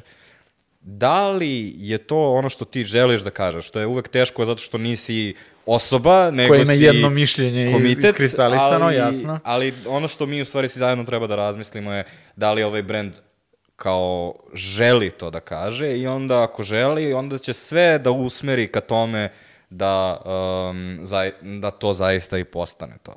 Jer neka je neko drugi zapljunuo, neka je neko bio prvi i kao što smo rekli, i dalje će ljudi pamtiti da je prvi crnac u istoriji advertisinga bio u Coca-Cola reklami, reklami, a da. ne zaborio sam neki šneps ili na ginger beer. Tako Aha, da je nešto tako. Elem, uh, pustio sam te um, ovaj, dovoljno dugo, um, a u stvari uh, glavno pitanje sam čuvao za kraj, odnosno najkontroverznije i ovaj, namjerno sam ostavio samo za ljude koji će doći do kraja ovog podcasta, jer oni možda i zaslužuju odgovor. A to je najveći problem sa woke um, koji u stvari ljudi na levici imaju i ovo pitanje smo malo krenuli sa time, okrznuli smo ga par puta, ali hajde da pokušamo sada da ga ono, direktno obradimo, to je da li je ovo aktivizam i dalje i da li može uopšte da bude aktivizam i da li je moralno opravdano ako je ipak na kraju negde u službi prodaje. Pa, ovaj, ja kao neko ko se ne smatra aktivistom za sve, ili nije, kao, nije mi to zanimanje, što je skroz legit da je nekom zanimanje da bude aktivista i da ima drugačije mišljenje od mene, ovaj, ja mislim da je legitimno o, kao iz sebičnog razloga zašto se ja time bavim, pa svoj posao, ali ovaj, mislim da e, mislim da je svako pomeranje sa bilo koje strane znak da se nešto dešava i da, nešto, da se nešto pomera. Drugi mogu da smatraju da li to jeste ili nije aktivizam, to ne umanjuje to da li je to aktivizam. Ako ga mi posmatramo ili ne iz našeg nekog ugla, da li može da nam smeta ili to da li ima ovaj e, da li ima iza sebe prodaju kao neki cilj, ali ne kao cilj toga, nego kao cilj celokupnog poslovanja ovaj, kao svega toga, ja mislim da je da, da, da pripada aktivizmu, zato što neke stvari iznosi na površinu i po, započinje razgovor o nečemu. I za mene je to dovoljno i, ovaj, i da, da možda nije savršen primer, ali šta je savršen primer? Možda ono, ovaj, treba da se fokusiramo na pozitivne strane svega toga, i da nam to bude primarno ono, ono gledanje u oceni svega toga, a i mislim da ako ga neko oceni negativno, da ne umanjuje njegov uticaj na celu, na celu priču. Tako da, ovaj, ne znam, može, ono kao može meni lično da zasmeta, neko kaže, aha, ali cilj iza svega toga je prodaja, samo što ću ja biti lik koji će reći da, cilj iza svega toga je prodaja. Pa cilj iza svake akcije je da, da imaš neki efekt. Možemo da, dana. možemo da kažemo da je cilj mog dolaska u ovaj podcast produžavanje, produžavanje da. života kampanje na kojoj sam ja radio sa jedne strane i onda ćemo recimo da upišemo naših uh, hiljadu pregleda kao dodatne impresije kada budete radili case. Ono, Tako je. Kao, kao posle ćemo, posle ćemo upiti, jel smem ovaj soundbite da iskoristimo mm. u case, znaš. Da. Ove, um, sa jedne strane to je taj ono, gledanje previše usko, a, a sa druge strane, um, recimo, advertising optužuju za neke um, negativne efekte koje imamo na društvu. Na primer, body image issues, kroz okay. photoshopiranje modela, a, odnosno zadovoljstvo sobstvenim telom, ovaj, pogotovo stare reklame, ono kad iz 60-ih, da, da. oni, oni cringeoslavi koji su ono, ustanovili rodne uloge, ono, domaćici je mesto u kući i tako dalje. Uh, ako je to sve tačno, a između ostalog zabavno je da ljudi koji će uložiti kontraargument, odnosno prigovor da, je ovo, da ovo nije aktivizam zato što je u službi prodaje, su isti ljudi koji će zamer, zamerati advertisingu sve ove stvari koje sam rekao. Ja se ne kažem, ono, advertising uopšte nije pomoglo to što je advertising i propaganda. Razumiješ, ova propaganda se vezuje, ono, prva, mislim da bi svima rekao, ono, ovaj, šta ti je prva asocijacija na propagandu, to ti je ono, drugi svetski rat, nacizam i, i sve to što su oni radili i kako su to... Ovaj... Samo sam ja u fazonu Edward Bernays. da, da, Dobro. Mislim da si baš ono u manjini tu, ako hoćeš napravit ćemo reklamu o tvojoj ovaj, grupaciji. Ovaj, ali kažem ti, samo je... M, zašto je sad mač sa dve oštrice, ti ćeš se truditi da pokažeš da nisi ovo, a onda će te optuživati da si ti zapravo ponikao iz toga. Što je mač sa tri oštrice, okay. ovaj, zbog toga što um, uh, jedan zakon o komunikaciji ne možeš da ne komuniciraš i recimo mi okay. smo u ovom podcastu um, kao mi želimo da budemo apolitični, ne želimo, pogotovo ne želimo da se bavimo dnevnom politikom, to je baš ono uh, heavy, ali ne možeš ti da zaista pričaš o temama bez toga da ono se to širi vremenom i onda, na primer, mi želimo pričamo o drag kulturi, do, dovedemo Karmagedoniju u, u intervju, ali kao da smo mi time postali woke, da smo mi time da, ono, kao stali iza određenog životnog stila. Nama je to bilo kao sasvim normalno, kao i vama u Galenici u smislu ništa se nije desilo. Pa ja mislim da niste realnosti. postali woke. Mislim, za, ali, ono, ali kažem, postoji sigurno i mogućnost toga da je različita moja percepcija ono kao nekoga koji će da ode na drag show veče i uopće ne, neće da misli tim svojim odlaskom tamo da on nekoga podržava nešto, nego je on otišao sam u neki izlazak koji svaki drugi, kao što neću ako odem na stand-up veče da pomislim ja podržavam stand-up, mislim, ali zapravo možda i radim to i da neko drugi može da percepira da to što ja radim je zapravo to što on vidi, a ne to što mu ja govorim. Tako da je tu sad neka ta ono, ono klackalica svega toga, Ovaj, I mislim da je najviše Vogue, što mogu da kažem na trutku, e, obojice smo u pravu. ovaj, e sad, postoji i drugi način kako možeš to da gledaš, a to je, um, ono, gledaj akcije samo na osnovu toga šta one proizvode. Odnosno, nebitno je šta je neko hteo, nebitno je šta je neko moralno pravilo u vakumu, nego ajde vidimo utilitaristički uh, da li to donosi dobro ili loše. I uh, više puta smo spomenuli da u stvari zbog ove činjenice da te svi prate i da će te pozvati na odgovornost, ako kreneš u ovom smeru, to u stvari zahteva i da menjaš način na koji radiš. I dugoročno to će dovesti do osvešćenijih brendova i naj, na, najveći primjer za to koji se stalno koristi je recimo Patagonija, ne znam da ono, si ispratio njih kao brend. Ono, Znam da ih nose programeri, jer su skupi. wow. znači, čekaj, sad si bacio bombu koja je eksplodirala ceo podcast. Da, Ove, to je jedan način kako možeš da, pre, i da posmatraš taj brand. I um, ajmo opet da počnemo od tradicija cena kvaliteta. Znači, definitivno te stvari je, ono, su izrađene od najboljih mogućih materijala, ali to nije na, jedini razlog zašto su toliko skupi, jer oni su potpuno zeleno osvešćen brend i ono, šta god da uvatiš po kom god ekološkom parametru, oni su zero waste, uh, sve ono lokalno sorsovano. Ne, ne, ne, šalim se, ne, ne, kao našli se, znam da su full ekološki po svim mojim prijateljima koji su pokušavaju da žive full ekološki i onda nose ovaj, brendirane Patagonija, stvari koje izgledaju uh, E sad, ono što je pitanje da li ti veruješ da je Patagonija, ako uzmemo one naše grafike koje gledamo kad nam medijaši prezentuju, pa Patagonija je gore desno, Dobro. a svi, sve loptice svih drugih brendova će da se kreću ka toj Patagoniji. Da li će ono Vogue pokret dovesti do toga da brendovi polako vuku svoje kompanije, proizvode i procese ka nekom održivijem poslovanju? Pa verujem da, verujem da hoće. Ve, mislim, kao verujem da hoće, a opet kažemo, je samo ono, iz svog ličnog iskustva donosim zaključak svega toga, nemam nijedan, nemam nijednu drugu ono, argument ili činjenicu. To je isto kao kad smo, malo pre kad smo pričali o električnim automobilima. Znači, idemo ka tamo, znaš, kao gotovo je. Vo, kao voz je, voz je krenuo, ono, ka tamo. Um, e sad, jedan, s jedne strane možemo da analiziramo kako utiče na brendove, Sa druge strane, možemo da analiziramo kako utiče na ljude.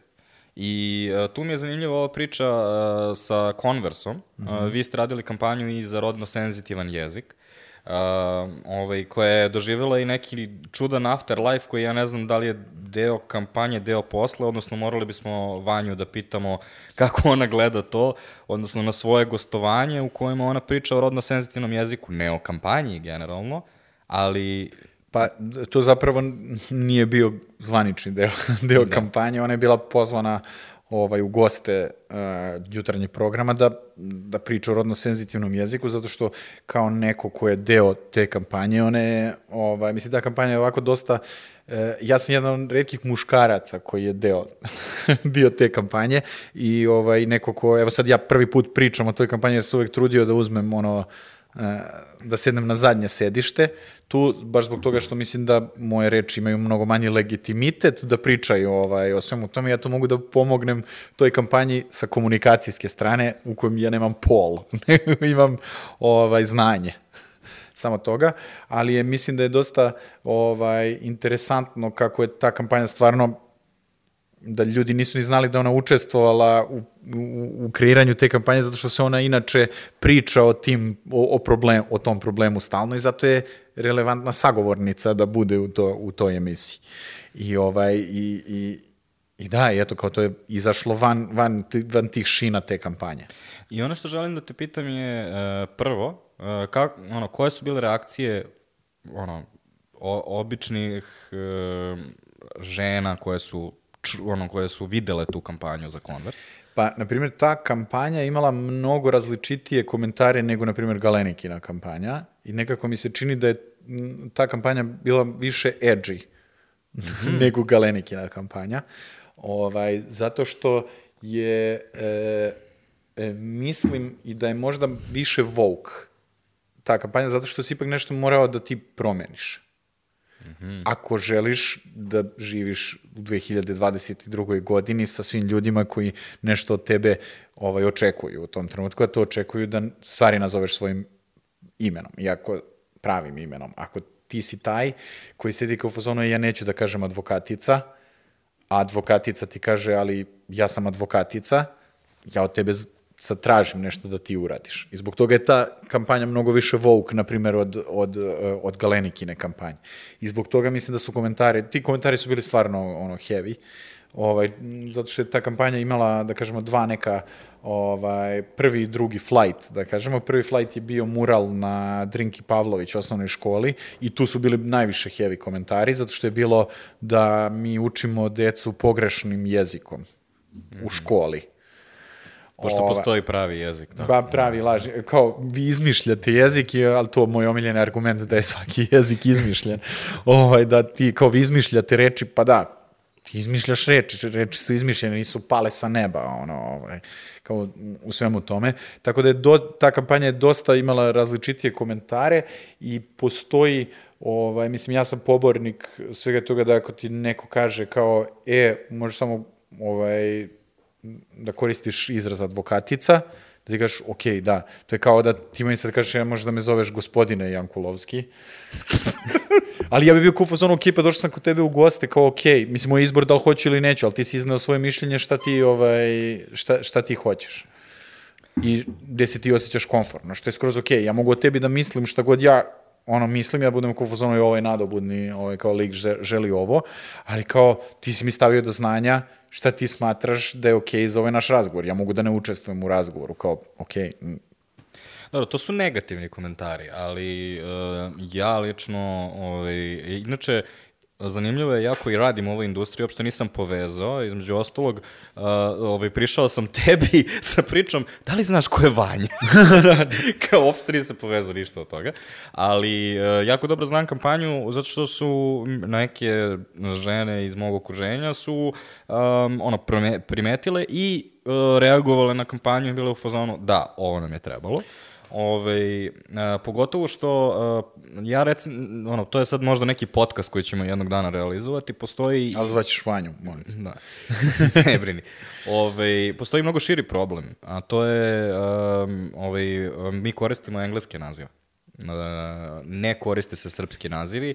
Jedan od razloga zašto se ne koriste srpski nazivi jeste zbog toga da bi se izbegao... E, I sad ću da ti, evo, ukratko, da, da objasnim, mi kad smo radili neko mini istraživanje da bismo došli do te teme i načina na koji želimo da je obrađujemo, kao što i na način, e, a mislim kao i za Galenikinu, tako i za ovu kampanju, mi smo pozvali kao konsultante ljude koji se time bave, koji se ne bave komunikacijom, nego se bave direktno time či, šta mi komuniciramo u tom trenutku, da bismo dobili stvarno neki korektivni faktor u našem, da komunikacija ne pojede cijelu tu priču koja je ovaj bitna iza ovaj bitna iza svega toga. E, mi smo imali problem kad smo komunicirali tu kampanju, e, ne problem, nego kao ovaj što je meni bilo interesantno, je mi smo prezentovali tu kampanju pre realizacije centrali Konversovoj u kojoj sede ljudi u Bostonu i ono kao se, i oni First, Serbian language, Pa, let ali, me explain. Ali, ali jeste tako bilo. Ali bukvalno je tako bilo. Jedini primjer koji smo mogli na engleskom da nađemo, ni jedini, kao, kao smo koristili je actor i actress. Kao, Imaš, uh, oni imaju um, manhole, kao šaht, aha, ovaj, što je jako problematično zato što ovaj, su, je to baš vezano za tradicionalno muške poslove i onda kada bi ga zvao, zvao person hole, što je... da, da, da, da je drugačije. Da. Ali kažemo, ovdje nam je bilo actor i actress i kao u Oscarima postoji, znaš, Da. best actor i best actress, ali kad ti kažeš, to, evo tu treba da kažeš actress, ali mi smo njima da objasnimo, e mi to imamo za sva zanimanja. Mhm. I onda njima to ono, Da. nije ulazilo u glavu, ali mi je bilo veoma interesantno kada ono ovaj ka- kada smo počeli da pričamo kada kada smo počeli da pričamo ovaj na tu temu, ali jeste mislim da u celoj realizaciji te kampanje meni kad smo počeli tu da kopamo šta se dešava, meni je bilo najluđe tipa da na filološkom fakultetu pre, ja nisam sad siguran da ne pričam sada, da kada završiš fakultet dobiješ pečat diplomirao. Da na pečetu piše diplomirao i ovaj, što mi je bilo čudni kao filološki fakultet, ajde da kažemo i to ono, mislim da procentualno više žena upiše ovaj, filo, filološki fakultet nego muškaraca, mislim opet kao ovaj, moja percepcija, ovaj, kao svega toga i da opet piše diplomirao ili kada završiš taj isti fakultet da ti piše da si ti profesor, a ne profesorka. A um, da li je bilo, da li ste vi iskusili neke pozitivne reakcije ljudi, neki ljudi koji su se, žene koje su se javile i kao rekla da ih je to hrabrilo na neki A, način. apsolutno, meni je to bilo najbolje zašto Converse ima tu saradnju sa ovaj, mladim ljudima, sa tom grupacijom mladih ljudi koji se zove All Star i svaka, ova, svaka država ima kao, to nekih, na primjer, 50 stotinjak ovaj, mladih ljudi od tu 20-22 godine, ovaj, na kojima šta god se osmisli neka kampanja, mi prvo pošaljemo njima i odmah imamo ko neku instant uh, fokus grupu i, ovaj, da kažem, nekih mikroinfluencera, Ovo svemu tome, ja, ja se sjećam kako su reagovali, pošto su oni imali isto tako, snimali su jedan podcast gde su pričali kako su oni doživjeli tu kampanju i meni je to bilo to kao, kad sam čuo kao devojke koje pričaju kao koje su u trenutku sada tu negde da završavaju fakultet i da kao koliko im je bitno da se koristi prava reč za njihovo zanimanje. E, ispunio si obećanje? A to je? Prošli smo dva sata, barem po, po tajmeru. Ove, hvala ti puno što si e, pre svega istražio temu, ovaj, pripremio se, mislim da je ono, to doprinosi ono smislenom razgovoru, ali takođe što si doneo svoju ludačku energiju i uh, 300 digresija koje verujem da u kojima se krije gomila zlata. Ovaj, to nadam se da smo najdu, bit ćemo najduži podcast na vašem kanalu, ali da, ne, niko, ni ne, blizu. nisu. Ovaj, po, o, postoji, upoznaću te ja sa jednim svojim prijateljem, ovaj, koji je išao dva i po sata i posle dva i po sata kada, si, kada je snimateljka bukvalno ispuzala onako koliko ne mogu više, on je bio fazonu, pa tek sam se zagrevao, šta vam je? Poslaću, pa pričamo o pošaljem. propagandi za Boga i tako dalje. Ove, ali da, um, ove, hvala ti svakako na, na ove, gostovanju i pripremi. A vi ako ste došli do ovde, onda vam se dopala priča, želimo da čujemo malo više od vas. Pišite nam u tim uh, YouTube komentarima u koje ne verujemo. Ove, a um, takođe zaređajte naše stare epizode na audio platformama ili YouTube kanalu.